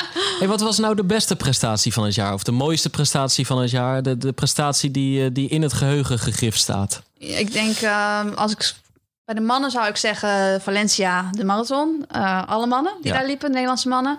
Eh Andrea natuurlijk ook. Maar als ik voor de vrouwen als beste prestatie zou ik denk ik toch voor Femke gaan. Die hebben we natuurlijk Ja, ook in de podcast ja. gehad. Het was eh, Femke was eigenlijk echt een doorbraak. Ja. Ja, ongelooflijk. eigenlijk het hele jaar. Ja. En dan, eh, nou ja. Maar die eerste gewoon op een trainingswedstrijd op Papendal, ik heb nog teruggezocht, dat is nog steeds de, de wereldjaarprestatie. Ja. Dat, het is gewoon een onderdeel wat bij mij 400 hoorde ook niet heel erg op het netvlies staat. Maar als gewoon een, een jonge jongen uit Amersfoort op een trainingswedstrijd een wereldjaarprestatie op de 200 meter had gelopen, zeg maar, dat is dan eh, 1976. eh, Dan, dan hadden de kranten er helemaal vol van gestaan van eh, oh my god, wat is dit? Dus het was echt wel eh, een ongelooflijk jaar voor haar. Maar aan de andere kant is er internationaal wel die waardering gekregen. Ja. Ja. ja. En hier eigenlijk... Nou, die gaat in Nederland Nou, ook maar, komen, hier eigenlijk jaar. ook wel hoor. Want eh, eh, er kwamen, ik sprak met haar manager en eh, eh, daar zijn ze toch ook wel veel interviewverzoeken aan het afhouden. Omdat het gewoon wel erg veel was voor, Ja. voor een meisje wat eigenlijk nog Ja. zo jong is. Dus, Ja. eh, dus, dus, dus de aandacht is er op zich wel gekomen. Alleen eh, misschien denken Ja, Ja, wij pas volgend jaar als ze in die finale staat in Tokio. Nou ja, dan dan wordt de rest van toe, Nederland ja. wakker. Ja. Dat is gewoon. En, maar in dat, Doha ja. was natuurlijk eigenlijk ook al... eh, Ja. kregen we redelijk door hoe, hoe, hoe snel en bijzonder en goed Ja. ze al eh, was. Ja, en ik wil Mike Volpier ook nog wel even noemen. Want eh, Ja. 13-13 op de 5 kilometer. Ja, dat is ook eh, doorlopen. Wauw. Ja. En ook hij, ook hij is erg lang erg goed geweest. Ja, Hè? Op Ja. de vijf, op de tien, eh, de- eh, eh, ook nog op de weg. Ja. Ja. Heeft het goed ja, want ik dacht nog Ja. best wel lang van wat een pech als je, als je zo goed bent in een coronajaar wat eigenlijk wegvalt. En nu is hij heel goed in, in een corona-solo, zeg maar. Ja. Maar hij heeft dat gewoon kunnen doortrekken. En toen uiteindelijk op het wereldpodium was hij nog steeds zo goed. Ja. Ja. Ja. Dus de, heeft de Nederlandse atletiek het afgelopen jaar echt enorme progressie geboekt... zonder dat het echt heel erg goed doorgedrongen is bij het grote publiek. Ik kon dat niet helemaal zien op de Diamond League. Was het natuurlijk fantastisch. Ik bedoel, daar haalden we prestaties die we nooit haalden. Maar dat had misschien ook een beetje te maken... Een klein Ja. beetje met het veld of zo. Dat, Ja, ik denk het ook wel. Want ik kwam vanuit Australië en mijn Australische trainingsmaatjes zag ik dat ook. Die finishten veel hoger dan normaal. En die doen wel ieder jaar al die Diamond Leagues. En nu finishen ze veel hoger. Dus ik denk dat het op zich wat dat betreft niet helemaal te vergelijken is met andere jaren. Maar goed, we zien het volgend jaar. Hè? Als we het Ja. gewoon weer doortrekken, dan, dan zie je wat, het, wat dit jaar maar zeker die, vier- die Ja. 400 meter dames, dat is wel echt een bijzondere generatie. Ja. Tijden liegen Ja. niet, hè? Ja, dat en, en tegelijkertijd er zijn. eh, ik denk bijvoorbeeld iemand als eh Sifan Hassan, die ook gewoon nog maanden in Ethiopië heeft gezeten. En, en gaat er überhaupt nog iets komen? Ja, als je haar dan uiteindelijk in Hengelo in de regen die 10 kilometer ziet lopen, dan denk je, ja, die is gewoon misschien wel weer gegroeid. Ja, Ja. En, en tegelijkertijd is er gewoon te, te weinig geweest om, om, om je te laten zien. En dat, Ja. dat heb jij natuurlijk ook gehad. Ja, ik heb ontzettend pech gehad dat alles werd afgelast. We zullen het er niet over hebben dat mijn Achillespees daarbij ook niet heel erg Ja. mee werkte. Was, Nee. was dit voor jou, voor jou toch weer het jaar van de Achillespees? Of, of, eh, of Ja, uiteindelijk werd het wel, nadat ik dus die, inderdaad die halve marathon voorbereiding heb gedaan en niet die wedstrijd heb gelopen, heb ik misschien te lang een beetje, ja, toch een beetje doorgepusht. Terwijl het niet nodig was. En uiteindelijk liep ik een beetje met een Achillespees. Ik wil het pijntje noemen, maar dat veranderde langzaam aan een blessure, omdat ik gewoon niet op tijd rust heb genomen. Dus dat was irritant. Maar toen ik weer in de zomer ging trainen en op hoogte ging trainen en me ging voorbereiden op Londen, had ik ook weer een soort van doel om daar te gaan hazen in ieder geval. En dan eigenlijk wilde ik ook weken halve marathon lopen. Hmm. Nou, uiteindelijk kreeg ik na Londen weer last van die Achillespees. En toen heb ik gewoon gezegd van oké, nu is het gewoon even rem erop en ervoor zorgen dat ik er volgend jaar sta. Dus Ja. dat is, wat dat betreft lijkt het wel een beetje een verloren jaar. Maar ik heb in de achtergrond heb ik wel, ik heb gewoon wel heel veel gewerkt aan zeg maar sterker worden. Dus ik heb wel heel veel progressie geboekt. Maar het druk, kan het niet uitdrukken in, in, in tijden of in, in, in wedstrijden die ik heb gelopen. Dus dan lijkt het net of je stil hebt gestaan, omdat er gewoon geen, geen resultaten zijn. Maar ik weet van mezelf wel dat het geen verloren jaar is geweest. En daarnaast was Londen ook wel echt een hele leuke ervaring. Ja. Ondanks dat er geen publiek was en Ja. dat het gewoon slecht weer was en dat ik alleen maar ging hazen, had ik wel zoiets van: ik moet er wel een keertje bij zijn bij, bij de echte Londen. was dat Dus dan de mooiste wedstrijd van het jaar voor jou? Voor mij wel, ja, Ja, toch? zeker. Ja. zeker. Ja, dat, was verder was er niet zo heel. Nee, Ja, verder was er niet zoveel. was ook prachtig. Nee, maar, maar ik kan me ook voorstellen, het, eh, het was denk ik gewoon wel echt bijzonder. Juist door zo'n rare setting. Ja. Tuurlijk heb je liever wel publiek. Ja, Maar goed, eh, als je dan iets kan lopen, Ja. je laat het dan maar daar eh, eh, in Londen zijn. in die, in die bubbel ook. Ja. We zaten in die bubbel, we hadden die rare kettingen om. Die bumps heette die dan. Ja. En dan dat zo'n lampje natuurlijk wat dan steeds afging... als je binnen anderhalve meter van iemand anders kwam. En dan Een soort science fiction eigenlijk. Ja, het was dus, je hoorde ook gewoon constant in overal, weet je wel. Het was echt het was heel raar. Maar ze hadden er wel gewoon goed voor gezorgd dat we ons echt wel gewoon veilig voelden. Ja. Veel coronatesten, die bumps en echt Ja. een bubbel waar je ook niet uitkomt. Dus zeg maar het hotel moest natuurlijk gewoon in de tuin trainen. En dan als je dan ook maar naar, naar het hek keek, dan stond daar security en die keek je zo aan. Zo van, nee, je gaat niet deze kant op. Je gaat niet Londen in. Dus ik ben Londen eigenlijk helemaal niet in geweest. Nee. En, en dan natuurlijk het publiek, eh, dat, het niet, dat er dan niet was. Dat is heel gek. Ja. Dat je dan op zo'n parcours loopt. Dat je langs Buckingham Palace komt en dat er gewoon geen publiek Ja. is. En dat je wel met iets bezig bent waarvan je weet... er kijken heel veel mensen mee Dat vroeg tv, ik me nog af. Ja. stream. Heb je dat besef dan toch? Heb je het besef Ja. van, oh, wij worden nu gefilmd en het wordt uitgezonden en hier kijken veel mensen naar? Ja, en ik moet zeggen dat, ik dat, dat, dat, daar geniet je dan toch van. Ja. Je weet wel, je bent met iets groots bezig. Ja. Ook al lijkt het net of je aan het trainen bent. Want ik was ook een trainingsmaatje aan het hazen. Ja. En nou ja, wij trainen vaak samen. En ook wel eens een slecht weer. En ook wel eens, nou, Dus- niet wel eens. Meestal zonder publiek. Dus daar zat het speciale gevoel niet in, dat je Nee, haar maar- uit de wind aan het zetten was. Nee, dat niet. Maar het was wel echt een, eh, ja, het was een hele, hele gekke wedstrijd op, op die manier. En, en eigenlijk had ik wel, ik had eigenlijk gehoopt dat ik nog langer door kon lopen. Maar uiteindelijk is het ook maar goed dat ik op dat moment ben uitgestapt. Maar ja, het was gewoon, de, de hele ervaring was, was wel heel bijzonder. En wel zoiets dat ik, dat, dat ik dacht van, nou ja, Ja. misschien moet ik die halve ook maar gewoon helemaal overslaan. Gewoon meteen door naar de marathon. Ah, kijk, een kleine onthulling hier. Ja. Nee, nee, nee, nee, nee, het begint toch wel echt te kriebelen, geloof ik, hè, Ja. bij jou. Ja, Maar hoe lang kan je dat dan nog... eh, kijk, ik volgend ga jaar, volgend doen. jaar is geen optie. Niet. Nee, nee, nee. Maar kriebelt het al zo hard dat het eh, niet heel lang kan uitblijven? Uitblijven.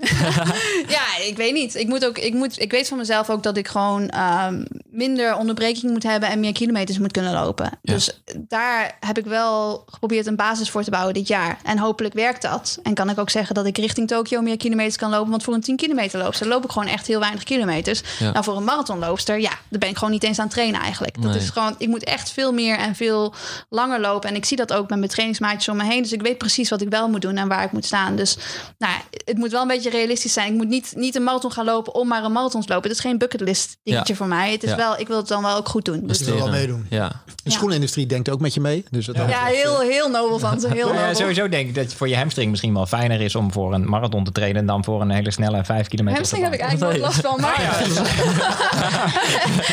mijn hamstring is echt super gezond. Ik heb echt zulke gezonde hamstring. Maar even andere vraag. hoeveel kilometer loop jij dan eh, bijvoorbeeld dit jaar? Ja, ik, ik, ik zou me ook schamen. Da- daarom, jongens, ik, ik heb straven, maar ik ga er niet al mijn trainingen uploaden. Want ik zou Nee, maar me daarom ben ik er juist, weinig het is. ja, daarom ben ik er er juist benieuwd Nee, maar naar. bijvoorbeeld eh, ook, eh, ook richting Doha of zo. Dan, dan, dan heb ik gewoon eigenlijk drie maanden echt zo weinig getraind. Dat het, ja, ik weet niet eens wat het gemiddelde zou zijn. Gemiddeld is dat misschien 50 kilometer per week. Dat Ja. is echt heel weinig. Ja. Omdat er gewoon Voor heel, jou dan. hè? Ja. Nou, omdat er gewoon echt heel veel weken bij zitten waarbij het gewoon ja, bijna alleen maar wel alternatief trainen. Dus ik train wel, ja, maar niet dat ik echt aan het lopen ben. En ehm, nou ja, bijvoorbeeld voor Doha, die drie weken daarvoor, knal ik gewoon eventjes drie weken lang 150 kilometer eruit. Ja. En dan sta ik daar in vorm. dat dan weer wel. Ja, maar Ja. Dat, dat kun je niet eeuwig opteren op, op Nee. zo'n voorbereiding. Dat Nee. is niet de manier om te doen. En ik, ik wil het ook, ja, ik, ik wil dat het niet meer zo vaak voorkomt dat ik inderdaad van die lange onderbrekingen Stel heb. dat die spelen dan dit jaar wel hadden doorgegaan. Had je dan een manier gevonden om, de, om, om je klachten heen te werken en er Ja. toch te staan? Ja, zeker. Want je zo wel gaat het ieder jaar al. Dus het is, ik, op Je de een of andere manier, altijd, ja, toch? als ik, een, Ja. als ik een doel heb en als ik daar moet staan, dan I'll make it happen, weet je. Dat is gewoon, vanuit dat doel werk ik dan terug en dan doe ik gewoon vandaag wat ik moet doen om daar straks te staan. Dus dat is op de een of andere manier lukt dat dan altijd wel, maar op de een of andere manier had ik ook zoiets van, ja, laten we het risico nu even niet nemen. En, en soms is het met Achillespees zo dat je er inderdaad even doorheen moet pushen. Soms dan heb je pijn aan een pace, maar om hem sterker te maken moet je hem wel belasten. Ja. Dus dat is heel moeilijk om daar een beetje zeg maar de balans in te vinden. En ja, als er een toernooi op programma staat, dan neem ik wat meer risico. En als er geen toernooi op het programma staat, dan neem ik wat minder risico. Maar dan duurt het herstel ook Maar het, eigenlijk is- het is langer. wel bijzonder inderdaad. Want jij staat er altijd. Je levert dan ook altijd. Heb je dan wel eens in je achterhoofd het gevoel van... wat als ik nou Ja, die klachten niet zou hebben? Wat, What zit if? er dan nog veel, heb je dan het idee dat er dan nog veel meer in zou zitten? Of is het juist doordat je misschien wel enigszins... Nou, niet helemaal uitgerust, maar redelijk Hm. eh, je, je, je lijf niet het jaar, hele jaar door knetterhard belast. Dat je Met in staat bent om die laatste drie weken gewoon knetterhard te trainen en echt te pieken op dat moment. Dat dat juist het ding is. ja ik heb soms denk ik wel eens, eh, ik ben snel, ondanks alle tegenslagen of dankzij alle tegenslagen. Ja. Dat Ja. mentaal, het mentale gedeelte is gewoon wel heel belangrijk. En ik weet dat dat daardoor wel heel erg gesterkt wordt. En dat zag je in Berlijn, hoe ik daar als de stervende zwaan over de finish kwam. De enige reden dat ik me zo kon pushen was ook omdat ik het hele jaar door al allemaal dingen moest doen. In het zwembad moest trainen, de fiets trainen, allemaal andere trainingen die ik eigenlijk niet leuk vond om te doen. En iedere training en iedere laag die je legt, wordt je mentaal wat meer gesterkt. En het is zo van, nou, toen ik daar aan de start stond, mijn coach zei het ook: niemand gaat jou mentaal breken. Of je fysiek genoeg hebt gedaan, dat kan ik je niet vertellen. Maar mentaal gaat niemand jou breken. En dat gebeurde ook. Ik brak mezelf bijna fysiek, maar, maar dan haal je die finish inderdaad gewoon op, op gewoon, ja, wat je eigenlijk in het hele jaar door verzameld hebt. Dus ik denk dat tegenslagen. Op, ja, op zich hoeft dat niet slecht te zijn voor je prestatie. En ik denk ook dat het voor iedereen dit jaar, waarbij je dus inderdaad eigenlijk iedereen wel tegenslagen heeft gehad, omdat je natuurlijk niet die wedstrijden hebt kunnen lopen en misschien de training hebt gedaan. eh, en ja, daar geen plezier van hebt gehad in een wedstrijd. Dat je dat meeneemt naar volgend jaar. En als je dan weer wedstrijden loopt, dan, is, dan geniet je er extra van. Dan, dan ben je er echt. Dan heb je zoiets van: oké, ik kan nu eindelijk een wedstrijd lopen. Ik ga ook alles geven en ik ga mijn mooiste marathon lopen. Of ja, je snelste marathon op een PR. Maar ieder geval, als je er wat meer van geniet en wat meer iets meeneemt van een tegenslag die je hebt gehad, dan denk ik ook dat je er wat meer uit kunt halen. Ja. Dus Ik zag natuurlijk bij, bij jullie, zag ik, eh, jullie hadden toch weer de onder de drie uur lijst eh, gepubliceerd, Ja, ik, toch? Ik, had, eh, ik heb zelf wat in elkaar gezet. Ja, toch? Gewoon, In- in- eh, inclusief virtuele prestaties. Ja, en eh, eh, dat is nu natuurlijk een soort kariger lijstje dan normaal gesproken. Want er hebben gewoon veel minder mensen zich aan een marathon gewaagd. Ik denk wel, als het straks wel weer open gaat... Dan, ga, dan gaan we denk ik een verbetering in Nederland zien. Maar dat is mijn gevoel. Eh, ja, maar Dat er meer dat mensen zullen zijn druk die, zou eh, voelen als ik dan voor het eerst weer bij een marathon sta die ook echt doorgaat. Dat je denkt, Ja. ja, nou moet ik het goed maken voor vijf marathons. Weet je? Ja, ja, nee, ja, er zullen inderdaad wat mensen afhaken... omdat ze zich te, hebben, te veel of zenuwachtig hebben gemaakt. het is toch fijne druk? Maar druk is fijn. Precies, maar toch, ze hebben ook wel mensen een heel grote, lange basis kunnen leggen of zo. En, en misschien het plezier herontdekt of ontdekt. Of, eh, dus ik, dat denk ik wel. Maar je You don't take it for granted anymore. Ja, Dus inderdaad. Ik weet niet hoe je het in het Nederlands zegt. maar je hebt het net Je over... neemt het niet voor lief, toch? Ja, dat zoiets? is niet. Nee, niet helemaal, Je hè? ziet het niet als vanzelfsprekend. Dat is hem. Het is het, ja. ja. dat is hem. Maar je hebt het net over het samenstellen van die lijst. Eh, Ja. Jullie moeten iedere, iedere maand een blad samenstellen. Eh, hoe, eh, hebben jullie, hebben jullie, neem ik aan, een, een, een jaarplanning van nou, dit, dit en dit, deze kant willen we misschien opgaan. Maar je wil ook een beetje. Hoe, hoe, is, hoe, is, het- hoe is het jaar voor jullie geweest om, eh, om, om een blad te maken in eh, iedere maand in, in coronatijd? Nou, dat viel eigenlijk reuze mee. Eh, ja, het was niet zo... Omdat het hardlopen gewoon leefde, denk ik. Ja, er Ja. waren wel veel nieuwe onderwerpen natuurlijk. En sowieso eh, vragen mensen mij vaak van... hoe krijg je in hemelsnaam iedere maand eh, 100 pagina's over hardlopen gevuld. Maar je moet ook voorstellen dat er heel veel edities wereldwijd zijn. Dus je kan eigenlijk iedere maand, als je gewoon even rondkijkt... van in, in dat land heeft dat, hé, hey, dat is leuk wat ze in Brazilië doen. Dus dan ben je er al vrij snel. Maar er waren natuurlijk echt nieuwe onderwerpen. Maar het was niet zo dat we de, de verkoopcijfers nou zagen verdubbelen... omdat er veel meer nieuwe hardlopers waren. Maar ook niet dalen, of wel? Eh, nee, qua abonnees ging het wel goed. Alleen los verkoop hadden natuurlijk ook last van het feit dat de stations gewoon eh, dicht waren enzovoorts. Ja. Ja. Dus eh, we zagen online wel echt eh, bijna verdubbeling. Gewoon veel meer wat jullie ook in de winkel zagen. Eh, veel meer mensen die op hardloopinformatie doken. Ehm, maar dat zag ik daar verder niet terug. Maar ik vond wat dat betreft wel een, een dankbaar jaar. We hebben een paar echt mooie stukken daaraan overgehouden. Ja. Alleen, je, je merkt zelf, ik, ik krijg mijn informatie toch vooral van wedstrijden en van mensen tegenkomen. Dat droogt wel een beetje op. Dus het moet niet jaren duren dit. De actualiteit ben je kwijt- een beetje kwijt. Ja, ja, en letterlijk, eh, de wedstrijdkalender was altijd het eenvoudigste deel van het blad natuurlijk. Gewoon zes pagina's, ja, die waren we opeens kwijt. Dus, Ja. eh, Maar die pagina's zijn wel weer ingevuld. Het is niet dat het minder pagina's zijn geweest. eh, het zijn ook wel even iets minder pagina's geweest, want we hadden ook een stuk minder advertenties. Ehm, maar nu eh, vullen we dat op andere manieren in, ja. Ja, merk je dat op advertentiegebied dan, eh, dan ook? Je zou zeggen van, wij, nou, er is meer aandacht voor het lopen, dus we pakken even door. Ja, dat, dat dachten mensen ook wel. Maar dit was ook wel dat eh, bijvoorbeeld horlogemakers... die hadden al hun eh, horloges in in China staan... en die kwamen sowieso niet door. Dus die gingen geen campagne doen. En andere merken zeiden... ja, mensen komen toch wel hardloopschoenen kopen op dit moment. Dus er kwam niet enorm veel eh, budget vrij aan die kant. Dat hebben we natuurlijk best wel gemerkt, ja. Als je nou de beste cover eh, moet kiezen. Ja, Even kijken. Ik denk dat er maar twee op stonden. Of niet? Er stonden twee mensen op de. Het is lastig omdat jullie erbij zijn. Oh, hier staan er ook twee. Maar die laten is ook wel leuk trouwens. ja hey, Daar daar, de één na mooiste cover uit. Ja, dit is natuurlijk een geintje, omdat wij er in eh, november stonden Erik en ik op, wat we, wat we waarvoor echt dank. fantastisch vonden.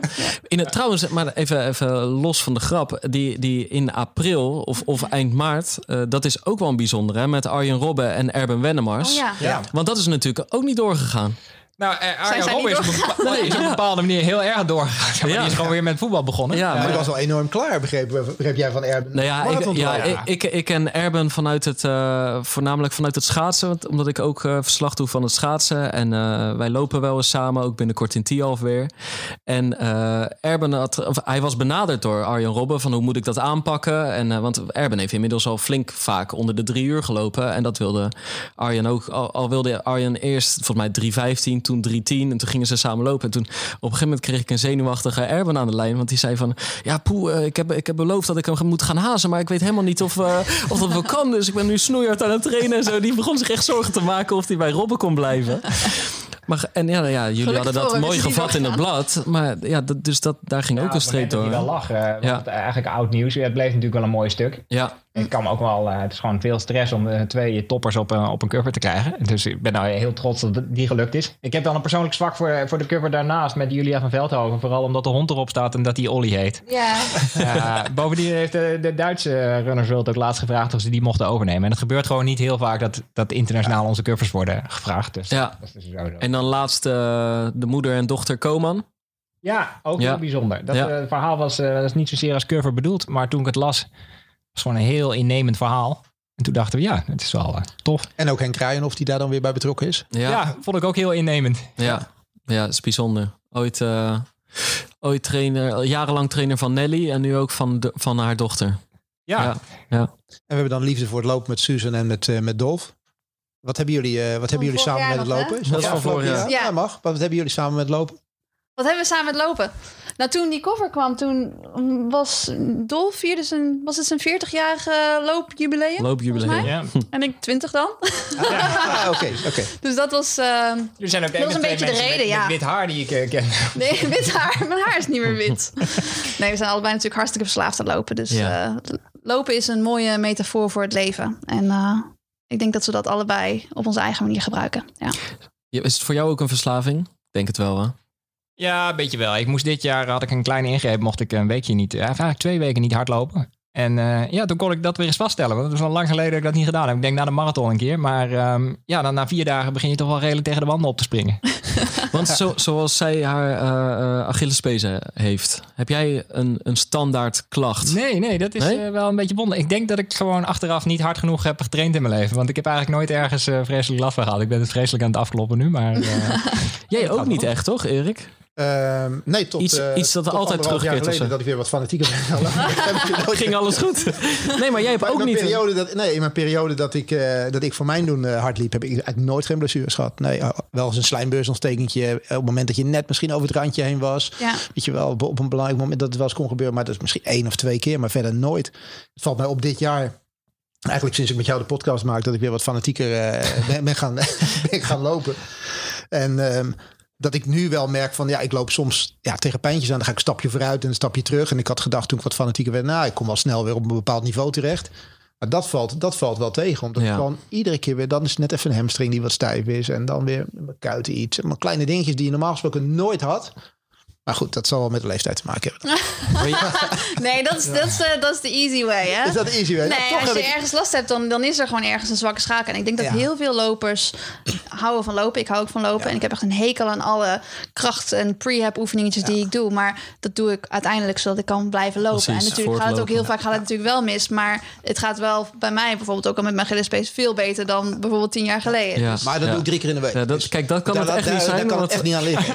Daar kan het aan drie- liggen. ligt drie keer per week bij Errol op skippyballen en eh, alle oefeningen Doe- tegen wanden te doen Ja. die je niet per se voor je plezier doet. Al wel bij Errol best leuk is. Maar wel iets als je ouder wordt, zeg maar. Ik Ja. voel me wat dat betreft wel gezegend. Heb jij waarschijnlijk ook als ik op een atletiekbaan sta. Ja, voor mij is het nog precies hetzelfde als 20 jaar geleden. Maar al die mensen van 20 jaar geleden, die staan natuurlijk niet meer. Er staan allemaal mensen van 20 jaar jonger. Dus er is wel iets geks aan Nou, de hand. dat, is wel een beetje, dat is wel een beetje het, eh, het vergelijk gewoon dat je, dat je hebt. Ik ben, ik ben nu dit jaar voor het eerst weer bij de atletiekvereniging mee gaan trainen. Voor die tijd trainde ik gewoon voor mezelf. En deelde ik het gewoon zelf in, ook gewoon vijf keer in de week. En eh, nou, dan wat sneller, dan wat harder, dan tempootjes, dan niet. En dan wel. Het ging eigenlijk best goed. En toen zei ik tegen jou van, nou, ik, ik moet nu eh, stoppen met het alleen trainen. En ik moet nu gewoon weer in de groep gaan trainen. En sinds ik in die groep ben getraind, ben ik alleen maar minder geworden. Ja, maar, ik- je- ja, maar je- jij, jij, gaat, je sluit je dan ook aan bij een groep met allemaal fitte gasten van 25 en 30. Oh ja, ja, jij bijt je gewoon vast. Ik vind dat wel mooi. Ik doe dat Ja. ook. Gewoon met mijn klauwen erin Ja. en gewoon mee. En dan Ja. totdat je Ja. gewoon kapot gaat. Ja, zo. Mijn breekpunt was op een mooi. gegeven moment bij de training dat, dat ik eh, een trainingsmaatje die, eh, die zei: Wat een leuk shirtje heb je aan. Toen zei ik: Nou, dat is van Hellas. Het is, eh, ja, het was, het was lid in 2000 of zo. Toen bleek dat mijn shirtje ouder was dan mijn trainingsmaatje. Dat Je bij jou- Die vraag, die, vraag, die vraag kreeg ik dus inderdaad van... eh, heb je, heb je, wat heb jij eigenlijk opgelopen op de marathon? Ik zei, ja, die die tijd. En zei, wanneer liep je dat? Ik zeg, nou, in eh 89 en 91. Oh, ja, toen was ik eigenlijk nog helemaal niet geboren. Ja, weet je, ik ook niet natuurlijk, eh, ja. Dat is Vintage. anders. Ja. Ja. Vintage. Vintage. Dus, Ja. Maar is positief. ja, weet je, die, die pijntjes, eh, dat kan bijna niet anders dat dat deels een beetje daarmee te maken heeft. En dan Ja. ga je inderdaad met die jongens, je, je wil toch mee, je wilt niet, je wilt niet loslaten. Denk ik, moet dit, ik moet dit ook kunnen. Hm. Dat vind ik het meest opvallende van nu je wat ouder bent. Wij deden laatst hadden wij een keer 20 kilometer gelopen, deden we op het eind nog een keer 5 keer 100 meter. ja. Weet je nog? Ik loop Ja, ja. Met, met, met jullie mee met z'n tweeën en zij zetten aan en ik, ik, ging, ik ging mee. Ik denk, nou, ik loop echt wel hard. En ze lopen gewoon in 100 meter, gewoon 20 meter bij me vandaan. Zonder dat ik het gevoel heb dat ik echt niet mijn best aan het doen was. Het ging echt goed, het voelde gewoon goed. En die gasten lopen gewoon 20 meter bij me vandaan. Hoe kan dit in hemelsnaam, weet je wel? Ja, moeten die Het schoenen is gewoon te maken met het feit dat ze volgens mij de helft jonger zijn. Maar Ja, maar je hebt ook niks aan de eindsprint in de marathon, joh. nee, dat is Dus, waar. Ik, ik deed ze gewoon op souplesse. Ja, ja, ik ook. ik ook, maar het Moet was toch eh, het was heu- confronterend. Je moet heuveltrainingen doen. Daarvoor Ja, moet je wel ja, snel. dat is maar dat plat is, bij ons. Ja, het is- je kunt toch wel een brug vinden. Ja, dat is natuurlijk ja. wel. Ja, ja, ja, ja. Nog even over dat shirtje. Zo heb je bij ons, bij, eh, bij PAK, heb je eh, Theo Cummins. De man die eh, eh, bij de Marathon Rotterdam heb je eh, die Super Marathon Masters lijst. Dus van de ja, meeste ja, finishes. En ehm, eh, er staan er nu drie op 36 of vier? op één of twee na. Vier op allemaal 36 finishes. Onder wie Theo Cummins. En die loopt inderdaad nog met het paktenu van denk ik zeven edities eerder. Dus ze zijn inmiddels al zeven keer hebben ze de hele styling omgegooid. Van de club nu. En eh, eh, ja, die, die, die, die- die zegt iedereen vindt dat tenue ook, juist dat tenue. De lelijkste ooit. Nee, de lelijkste ooit. Maar hij vindt hem mooi van lelijkheid. En hij zegt, zo herkennen ze me. En eh, die hou ik voor goed aan. Ja, ik had Ja. laatst een mooi verhaal, maar misschien heb ik dat verteld. Ik weet het niet meer. Maar ik, had een, eh, ik ging met, eh, met Imo, en het, is, het was al een jaar geleden, mijn collega lopen. En die zei, wat voor broekje heb je nou aan, man? Het is een soort luier. Toen zei ik, ja, deze heb ik dus al heel lang. Want Mathieu Sperkers, een maatje van mij op de 800 meter... die had een of ander dealtje met een vriend van hem... dat ze bij een hartstikke speciaalzaak konden bestellen... maar er moest er genoeg besteld worden. Dus ik kreeg opeens een mailtje of ik ook iets wilde bestellen. Toen heb ik dit besteld. Zei hij, Mathieu, dat was mijn deal. En toen bleek dat hij dat dealtje had gesloten... er jaren voordat we elkaar kenden. En dat ik nu dit broekje aan had. Wow, die reden. small world. Heb jij... eh, Heb ik luiers? Heb jij ook wel eens een luier aan? Nee, ik heb echt vrijwel nooit een luier aan. Maar heb jij, heb jij een tenue, zoals we het net over schoenen hebben, van dan doe je die schoenen aan en heb je meteen zo'n gevoel van dit is het. Ja. Heb je dat ook met een tenue? Bijvoorbeeld als je het oranje shirtje aantrekt of, of juist bij iets anders? Eh, ik heb dat gevoel als ik spikes aantrek. Want Ja. ik train ook niet veel in spikes. Dus spikes, dan is het echt go-time. Die Ja. bewaar ik echt gewoon voor Ja. een toernooi. En omdat ik natuurlijk niet zoveel wedstrijden op de baan ook loop... is dat echt wel meteen, dan weet ik van, dan is het go-time. Maar soms heb ik ook wel als ik ga trainen... en als ik gewoon, als ik ja, niet zo gemotiveerd ben of zo... ik ben een beetje moe en ik heb zoiets van... oké, ik moet deze training gaan doen en ik loop alleen. Dat is ook vaak dat ik het dan moeilijker vind om het te doen. Als ik dan een bepaald broekje aantrek... wat gewoon Lekker weet je, wat zit. strakker zit. Nee, juist, wat, juist niet lekkerder zit... maar wat juist strakker zit zoals, zoals een wedstrijd nu. Ja. Dat ik dan wat meer switch on en dat ik wat meer ervoor ga. Maar ja, tijdens wedstrijden heb ik vaak een bikinibroekje aan. Daar train ik natuurlijk nooit in. Dus dat is als een bikinibroekje aangaat, dat is het sowieso go time. Ja, Ja. dus ehm, ja, en verder is het voor belangrijke wedstrijden zorg ik altijd voor dat we mijn nagels een mooi design hebben. En dat het vooral als ik voor Nederland loop natuurlijk met allemaal oranje, rood en blauw. Ja. Dus dan, nou ja, dan weet ik, good nails is good race. Het hoort er gewoon bij. Sorry, ik ga voor, voor wedstrijden die ik dan voor mezelf belangrijk heb gemaakt, altijd een paar dagen van tevoren naar de kapper. Mm. Ja. Het gaat me gewoon niet gebeuren dat mijn contouren een beetje te lang of eh, weet je. Nee. Het heeft met ijdelheid te maken, maar ook gewoon puur voor jezelf. Gewoon het gevoel dat je denkt van ja, snel kapsel, snelle tijd. Ja, het is een soort van bijgeloof. En dan doe je dat voor, voor een wedstrijd, zou je dat dan, dan ook doen? Als, omdat het gewoon voor jezelf is? Nee, ja, nee. Ik denk Nee, het niet. dan niet. Ja, dus nee, ik zou, ik zou het dan wel ook gewoon helemaal tot in de details helemaal afmaken. Nou ja, maar ik denk trouwens, als ik, ik heb het gewoon niet gedaan. Maar als ik had besloten van, ik was dit jaar toch dan in mijn eentje op eigen houtje wel een marathon gaan doen, was ik zeker naar de kapper Mm. Ja, geweest. Andere generatie, Olivier. Ja. Dus, een soort kruisgesprek naar de. Ja, ik weet, uh, Run Today had dit jaar een actie dat je virtueel kon lopen en er werd een startnummer 1, startnummer 1 opgestuurd. Ja, klopt. Ja, toen heb ik hier door eh, gewoon rondgelopen en ik voelde me zo opgeladen. Ja. Ik aan het rondlopen was. Voor niks, dat, eh, dat, dat, dat kon Maar dat is wel Nee. het mooie van deze tijd met die virtuele loopjes. Dat, wij hadden laatst in het Kralingse Bos ook zo'n zo'n loopje. En dat we met een paar man inderdaad een soort van hard door het bos in liepen. En dat de mensen liepen te wandelen en die zoiets hadden. Wat is dit? Ah, het zal weer een of andere virtuele wedstrijd zijn. Hoofdskuddend. Ja, dit- Nee, maar over, dat, eh, over bijgeloof ook. Ik heb wel het idee dat, zeg maar, voordat je een wedstrijd loopt... en je hebt een soort van routine op de, op de dag van een wedstrijd... en ik denk wel dat dat rust kan geven in je hoofd... en dat kleine dingen van bijgeloof, dat dat daar ook een beetje aan bijdraagt. dat denk ik ook. En Zoals ik bijvoorbeeld, als ik mijn, eh, mijn rijstwafels meeneem naar een wedstrijd, zodat ik altijd hetzelfde eet: rijstwafels met pindakaas en banaan. Dan weet ik dat het goed zit, weet Ja. je wel. Terwijl als ik daar gewoon een broodje zou pakken en de jam op zou doen, dan zou ik waarschijnlijk ook een goede Prima. wedstrijd lopen. Maar omdat ik weet dat ik dat altijd doe en dan een goede wedstrijd loop, hoort dat er een soort van bij. Dus ik denk wel dat dit, ja, er zit wel iets in. Routine Ja. en bijgeloof en een goede wedstrijd heeft wel wat met elkaar te maken. Wanneer denk je dat jij weer een keer een goede wedstrijd gaat lopen? Ik denk dat het in de 2021 gaat gebeuren. Ja, dan moet sowieso moet wel doorgaan natuurlijk. Dus eh, Ja, want even, even de voorbije week, toch alweer, eh de CPC uitgesteld. Ja. ja.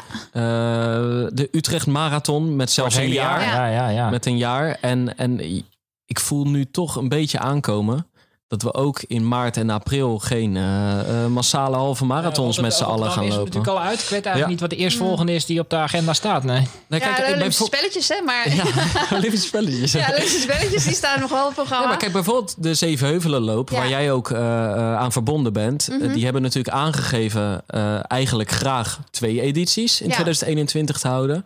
ja. En, en echt, ik mag het hopen. En toch voel je ergens al aan van maart is het is gewoon al best wel dichtbij, weet je wel. Als we dan nu nog in een lockdown zitten. Ja. eh, in elk geval heb ik die. On, ik, ik heb ergens het gevoel dat ik ben nu aan het trainen omdat ik ervan geniet. Omdat ik die basis weer wil verhogen. Omdat ik hou van de verbetering. Ook van de gezelligheid. Ook nog steeds in tweetallen.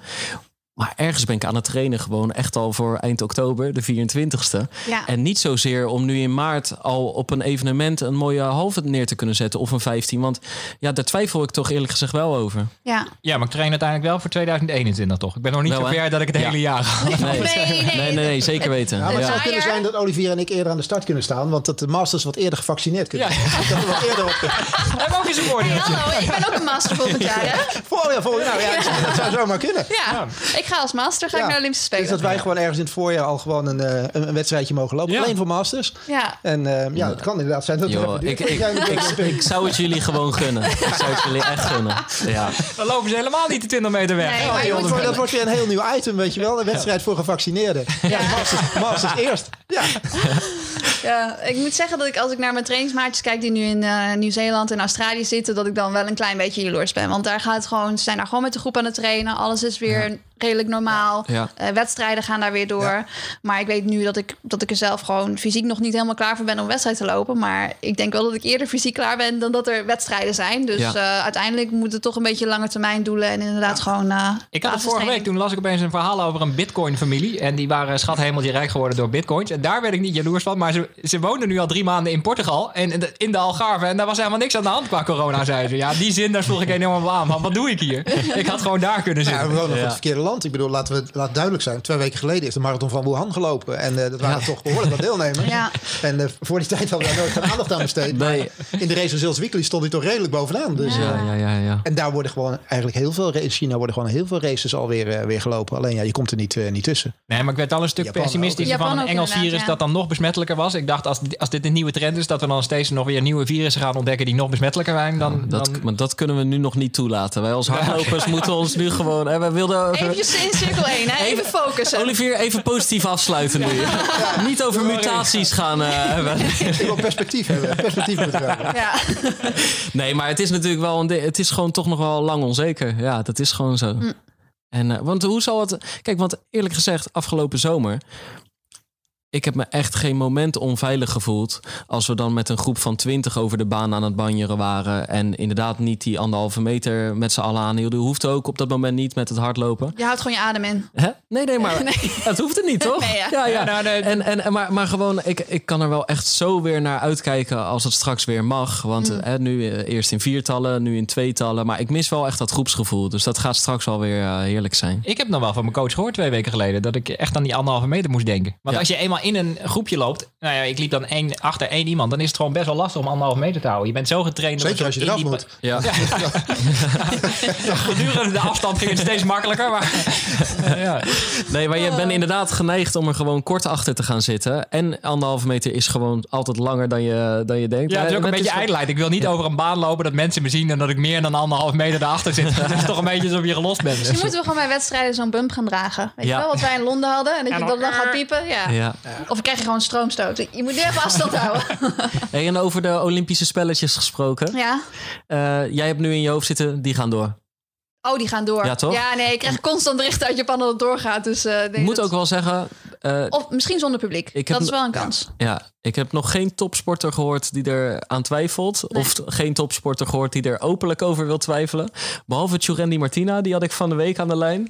Oh. En, eh, Toch een optimist van nature. Ja, dit is totale optimist natuurlijk. Ja. Eh, ik vroeg trouwens, hoe was het voor jou in coronatijd? En toen zei hij, eh, ja, relaxed. Gewoon, hij vond het echt wel vervelend natuurlijk. Geen Olympische Spelen, eh, geen eh, v- gebruikelijke vier reizen richting Curaçao, Ja. eh, waar hij vandaan komt. Maar voor de rest was het gewoon lekker Call of Duty spelen. eh het was het maar, prima ik als ik En, Ja. Maar die zei toch wel van, ja, als het in 2020 eh, uit kan worden gesteld... dan kan het ook in 2021 worden uitgesteld. Ja, maar dat gaat volgens mij niet Maar dat nee, was dan de- is het afgelast, maar, ja, ik. precies. Ja. Afgelast. Maar dat was de enige sporter die ik tot nu toe heb horen zeggen van... nou, ik ben er niet zeker van. Laatste waarvan ik dat gedacht had. ja, Ja. ja, ja, ja, Nee, ik zou die gedachte ook gewoon niet... Ik zou daar niet aan willen beginnen. Nee, is- ik, nee, dat is... Om te trainen voor iets wat misschien doorgaat, dat, is voor mij niet te doen. Het is, ik, ik wil gewoon echt... Het gaat gewoon door. En ik moet zeggen dat, ze- dat ze ook echt wel... Die Japanse atleten, Ja. die zijn er ook wel echt van overtuigd. Dus Ja. het is niet dat ik mezelf vertel dat, het- dat, het, dat ik denk dat het door zal gaan. Het is echt wat ik hoor vanuit Japan. Ik vond het Ja. eh, WK, Indoor, eh, WK Indoor al best een mindfuck. Want dat werd Ja. weer twee jaar uitgesteld of zo. Oh, en het was al een keer uitgesteld. Ja. Ik dacht, ja, op een gegeven moment heb je die kalender helemaal niet meer scherp natuurlijk. Nee, Nee. Maar inderdaad. het moet toch ook doorgaan. Weet je, een, een Olympische Spelen in, in, in Japan is echt geweldig. Ik ben, ik ben, ik ben, ik ben er vorig moet jaar, doorgaan. Ik ben er vorig jaar geweest. Ik heb al die accommodaties gezien die daar liggen.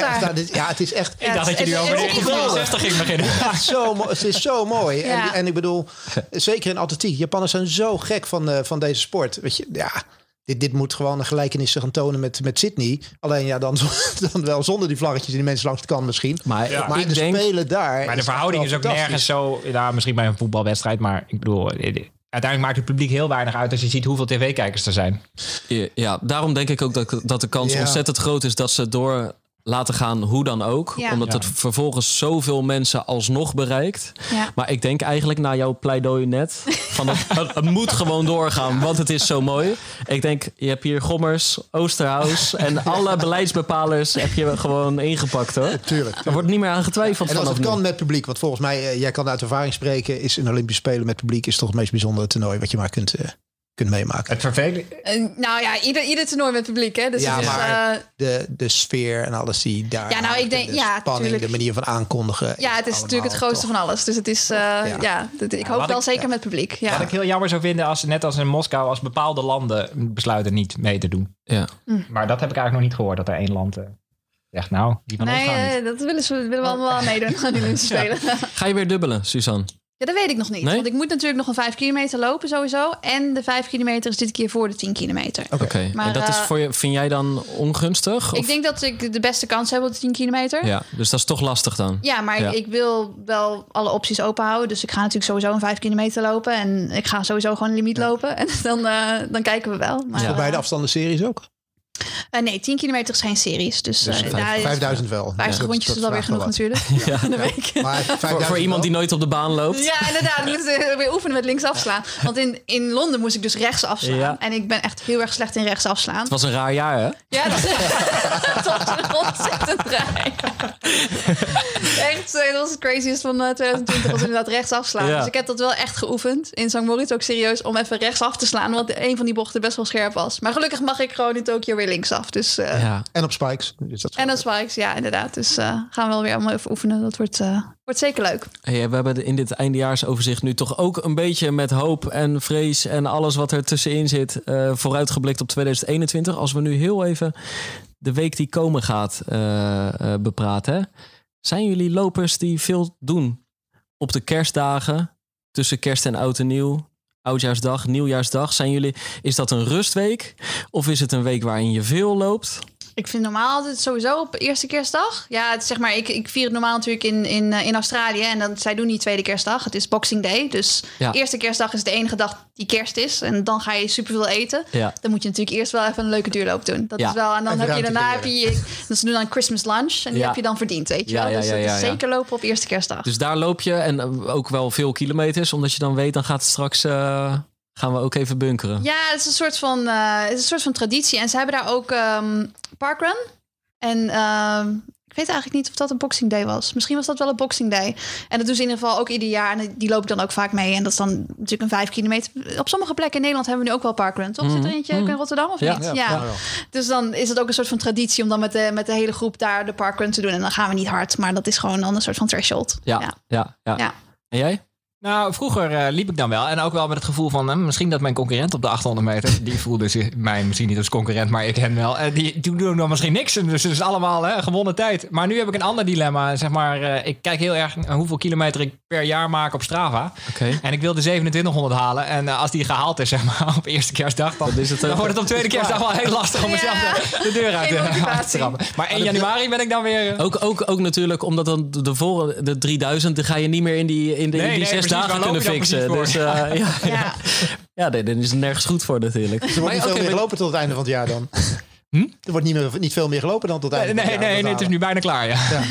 Ik zit er nu op volgens mij 32 of 3300. Wauw, jullie weten dit ook allemaal. Ja, dat weet ik van wel. Ja. Statistieken. Ja, ja, ja, Dus, ja, eh, ja, ja. Ik vind het heerlijk om in die getalletjes te duiken. Ook van, soms, soms zit ik ineens ook op pagina's van mensen die ik niet ken. En, Ja. en dan betrap ik mezelf na 10 minuten op van waarom zit ik nu in eh, zijn trainingen van oktober te bekijken? En Nou, Down the rabbit hole. ja, wat even terug naar wat je we iets nuttigs doen, weet je wel. Het gênantste wat ik dit jaar gedaan heb, is eh, je krijgt bij Strava krijg je ook punten voor je vorm. Ja. En dan kijkt hij naar je inspanningsgraad. Dus als je een duurloop hebt gedaan, dan zegt hij dit was 50 of dit was 100.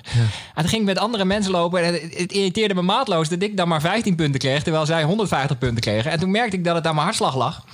En dat ik met een ander hartslaghorloge meer hogere hartslag had en dan meer punten kreeg, waardoor mijn vorm in Strava enorm hoog ging. Dus toen ben ik gewisseld van horloge om En zeg meer maar, praten, dan gaat je hartslag ook omhoog. Maar zo, zo, Maar is, is zo dat in de betaalde versie of is dat in de... In de Ja, dit is de betaalde versie. Die heb ik ook wel. Weet je, Ja. jij in de ja, betaalde die heb ik ook wel. Ja, ik, ben nog eh, iets te zuinig, abonnee. Ja. Maar zo houden we elkaar lekker bezig, toch? maar eh, ik heb altijd wel... ehm, eh, eh, ik, ik heb inmiddels het, het uitgaansleven redelijk achter me gelaten. Maar ik, op, op 1 januari loop ik wel gewoon echt niet. Dat is, dat is echt kansloos, Ik ja. zat te denken, misschien gaat de nieuwjaarsduik, gaat hij door? Ja, maar daar, dat, dit doe ik ook niet aan. Ja, maar ik, denk dacht dat hij niet doorgaat. omdat ik normaal Ja. dus nooit in Nederland ben, dacht Ja. ik, dit is eigenlijk mijn kans. Ik moet daar Ja. gewoon de Noordzee in rennen. Ja. Dus misschien ga ik dat wel doen. Nou, maar dan op, Ja. op eigen houtje, denk ik. Het zal niet, niet zo massaal en georganiseerd zijn. Maar je kunt gewoon... nee, Ja. ik denk dat... ik- ja, Ik, waarom niet? Ik denk dat ik dat moet gaan doen. Ja, Ja. Ik denk dat de besmettingsgraad ook niet zo heel hoog zal zijn, denk ik, in de Noordzee. Nee, dat zal wel meevallen. Nee, met kerst loop ik ook. De dagen daarna ook. Gewoon mooi het jaar afsluiten. Op 31ste loop ik meestal ook al niet. Krachten sparen. Voor de, krachten sparen voor de nacht. Maar Zoals je ja, vroeger. Zoals je, dat was de eerste wedstrijd die ik skipte toen... eh, Oh, je eh, gaat toen- het hebben over de Sylvestercross. Ja, dat vond ik zo'n mooie cross altijd. Totdat, eh, hè, eh, eh, totdat ik met mijn vrienden oud en nieuw ging vieren. Met flink wat drank erbij. En toen merkte ik, ik ben zo moe. Weet je wel? Te vroeg opstaan. En de Ja. oplossing was volgend jaar het de Sylvestercross skippen, weet je wel? ja. Ja. ja. Jij, Erik? Ehm, ik, ja, gewoon nieuwjaarsdag loop ik altijd wel. En, eh, Wel hè, ja. ja, en ik denk met, met, met, met de kerst. Ik ben nu voor het eerst met de kerst hebben we niet al te veel verplichtingen. Dus ehm, ik vind het wel lekker om eventjes, eh, even gewoon de eerste en tweede kerstdag gewoon misschien een uurtje te lopen. Dus ik, ik zie het wel. Weet je wat we natuurlijk ook weer gaan krijgen, over Strava gesproken? Dat er de mensen de komende week een kerstbomen gaan lopen. Ja, ja. Ja, toch? Ja, Strava art. Ja. Ja. Dat ga je natuurlijk krijgen. ja. Hebben wij nog nooit gedaan, hè? Die sla ik even over. We hadden wel, we hadden hè, ooit Bertus, Bertus, ja, ja. die had een, eh, een, een, een, piemel, gedacht- een piemel gelopen, toch? Ja, die was... Eerst was per, de toeval, eerst per toeval en toen het loopje erop nog eens teruggekeerd om, om, om, om, hem te perfectioneren. inderdaad het doel. Even, even een straatje in en uit. Die had inderdaad het doel de perfecte piemel te lopen. Ja, ja. Wauw. Was toch een mooi jaar voor hem dan, hè? Heel groot succes. Mocht je die podcast niet geluisterd hebben bij eh, Doe nog luister die even. nog even terug. Ja, luister die terug. Welke, welke podcast van jullie moeten we terugluisteren als mensen hem nog niet eh, hebben gehoord? Dit jaar. Ja, Ja, ik moet zeggen dat ik... Ja, dit is een wel best wel een recente podcast. Maar die van Valencia. Ja. Ik vond het er gewoon zoveel heerlijke positieve energie in zat. En ik zit zelf natuurlijk ook dat ik aan het herstellen ben van blessure. En ik heb altijd zoiets van, als je mensen om je heen hebt die positief zijn, dan ik, ik zuig dat altijd op als een spons. Ja. En ik heb dat ook met negativiteit. En er is natuurlijk ontzettend veel negativiteit geweest dit jaar. Dus ik vind dat wel echt een hele lekkere feel-good podcast met heel Gewoon veel eh, lekker, mooie euforie. Alleen Ja. maar enthousiasme was het. Sorry, ja, dus Olivier, mag ook Nee, ik denk dat ik daar wel Ja. bij aansluit. Ik eh, vond alles eh, met Frank eigenlijk heel leuk. Eh, Ja. daar, Frank. Nou, daar zat hij ook in. Ja, ik was Frankie daar ook niet echt meer de onpartijdige verslaggever. Ik was gewoon ontzettend blij voor, voor al die mensen die we aan de lijn hadden eigenlijk. Ja. Ik weet niet meer. En zij dat, ook. Dat was ergens deze zomer, echt eh, al wel even terug. Maar dat het op een gegeven moment met Frank in, in jullie podcast zes minuten over het verschil tussen pinda's en noten ging. Oh ja, over de, de- de- Dat we dit een keer hebben uitgediend. Ja. eh. inderdaad. Eindelijk is het interessant, die podcast, hè? ja. Ja, Hey, dankjewel. Leuk dat jullie een keer eh, bij de Pacer te gast wilden ja zijn. dankjewel voor de uitnodiging. En jullie komen volgend jaar bij ons dan, toch? Ja, lijkt me een goede deal. jaar. Lijkt me Lijkt me heel een goed. goede Dat deal. is een deal. Wat voor, wat voor, voor- eh, ja. Het is zo lastig voorspellen wat voor eindejaarsoverzicht we dan gaan maken. Ja. Daar ben ik Ja, ook benieuwd naar. ja. Maar wat heb je Nou, om naar uit te kijken? ja, we kijken er nu al naar uit. Ja. Dank jullie wel. En eh, wij gaan eh, denk ik straks nog even een loopje doen, hè? Erik, Drunense In de Duinen. buurt, Trunnense Toch? Duinen, Ja, zeker. Trailschoenen mee. Plekje. Het is geen mooi weer, maar goed, dat maakt niet uit. We gaan het er gewoon mee doen, hè? Absoluut. Dus juist goed voor trailen. Zo is het. Tot zover. Ja, eh, ja, fijne dagen. Fijne jaarwisseling. Blijf lopen. Blijf luisteren. En tot de volgende Pacer.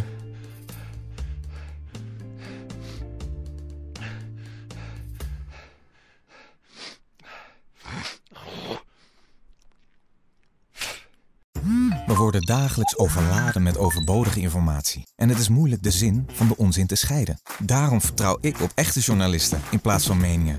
Een krantenmens heeft het gemakkelijk. Word ook een krantenmens en lees je favoriete krant nu tot al zes weken gratis. Ga snel naar krant.nl. Bezorging stopt automatisch en op deze actie zijn actievoorwaarden van toepassing.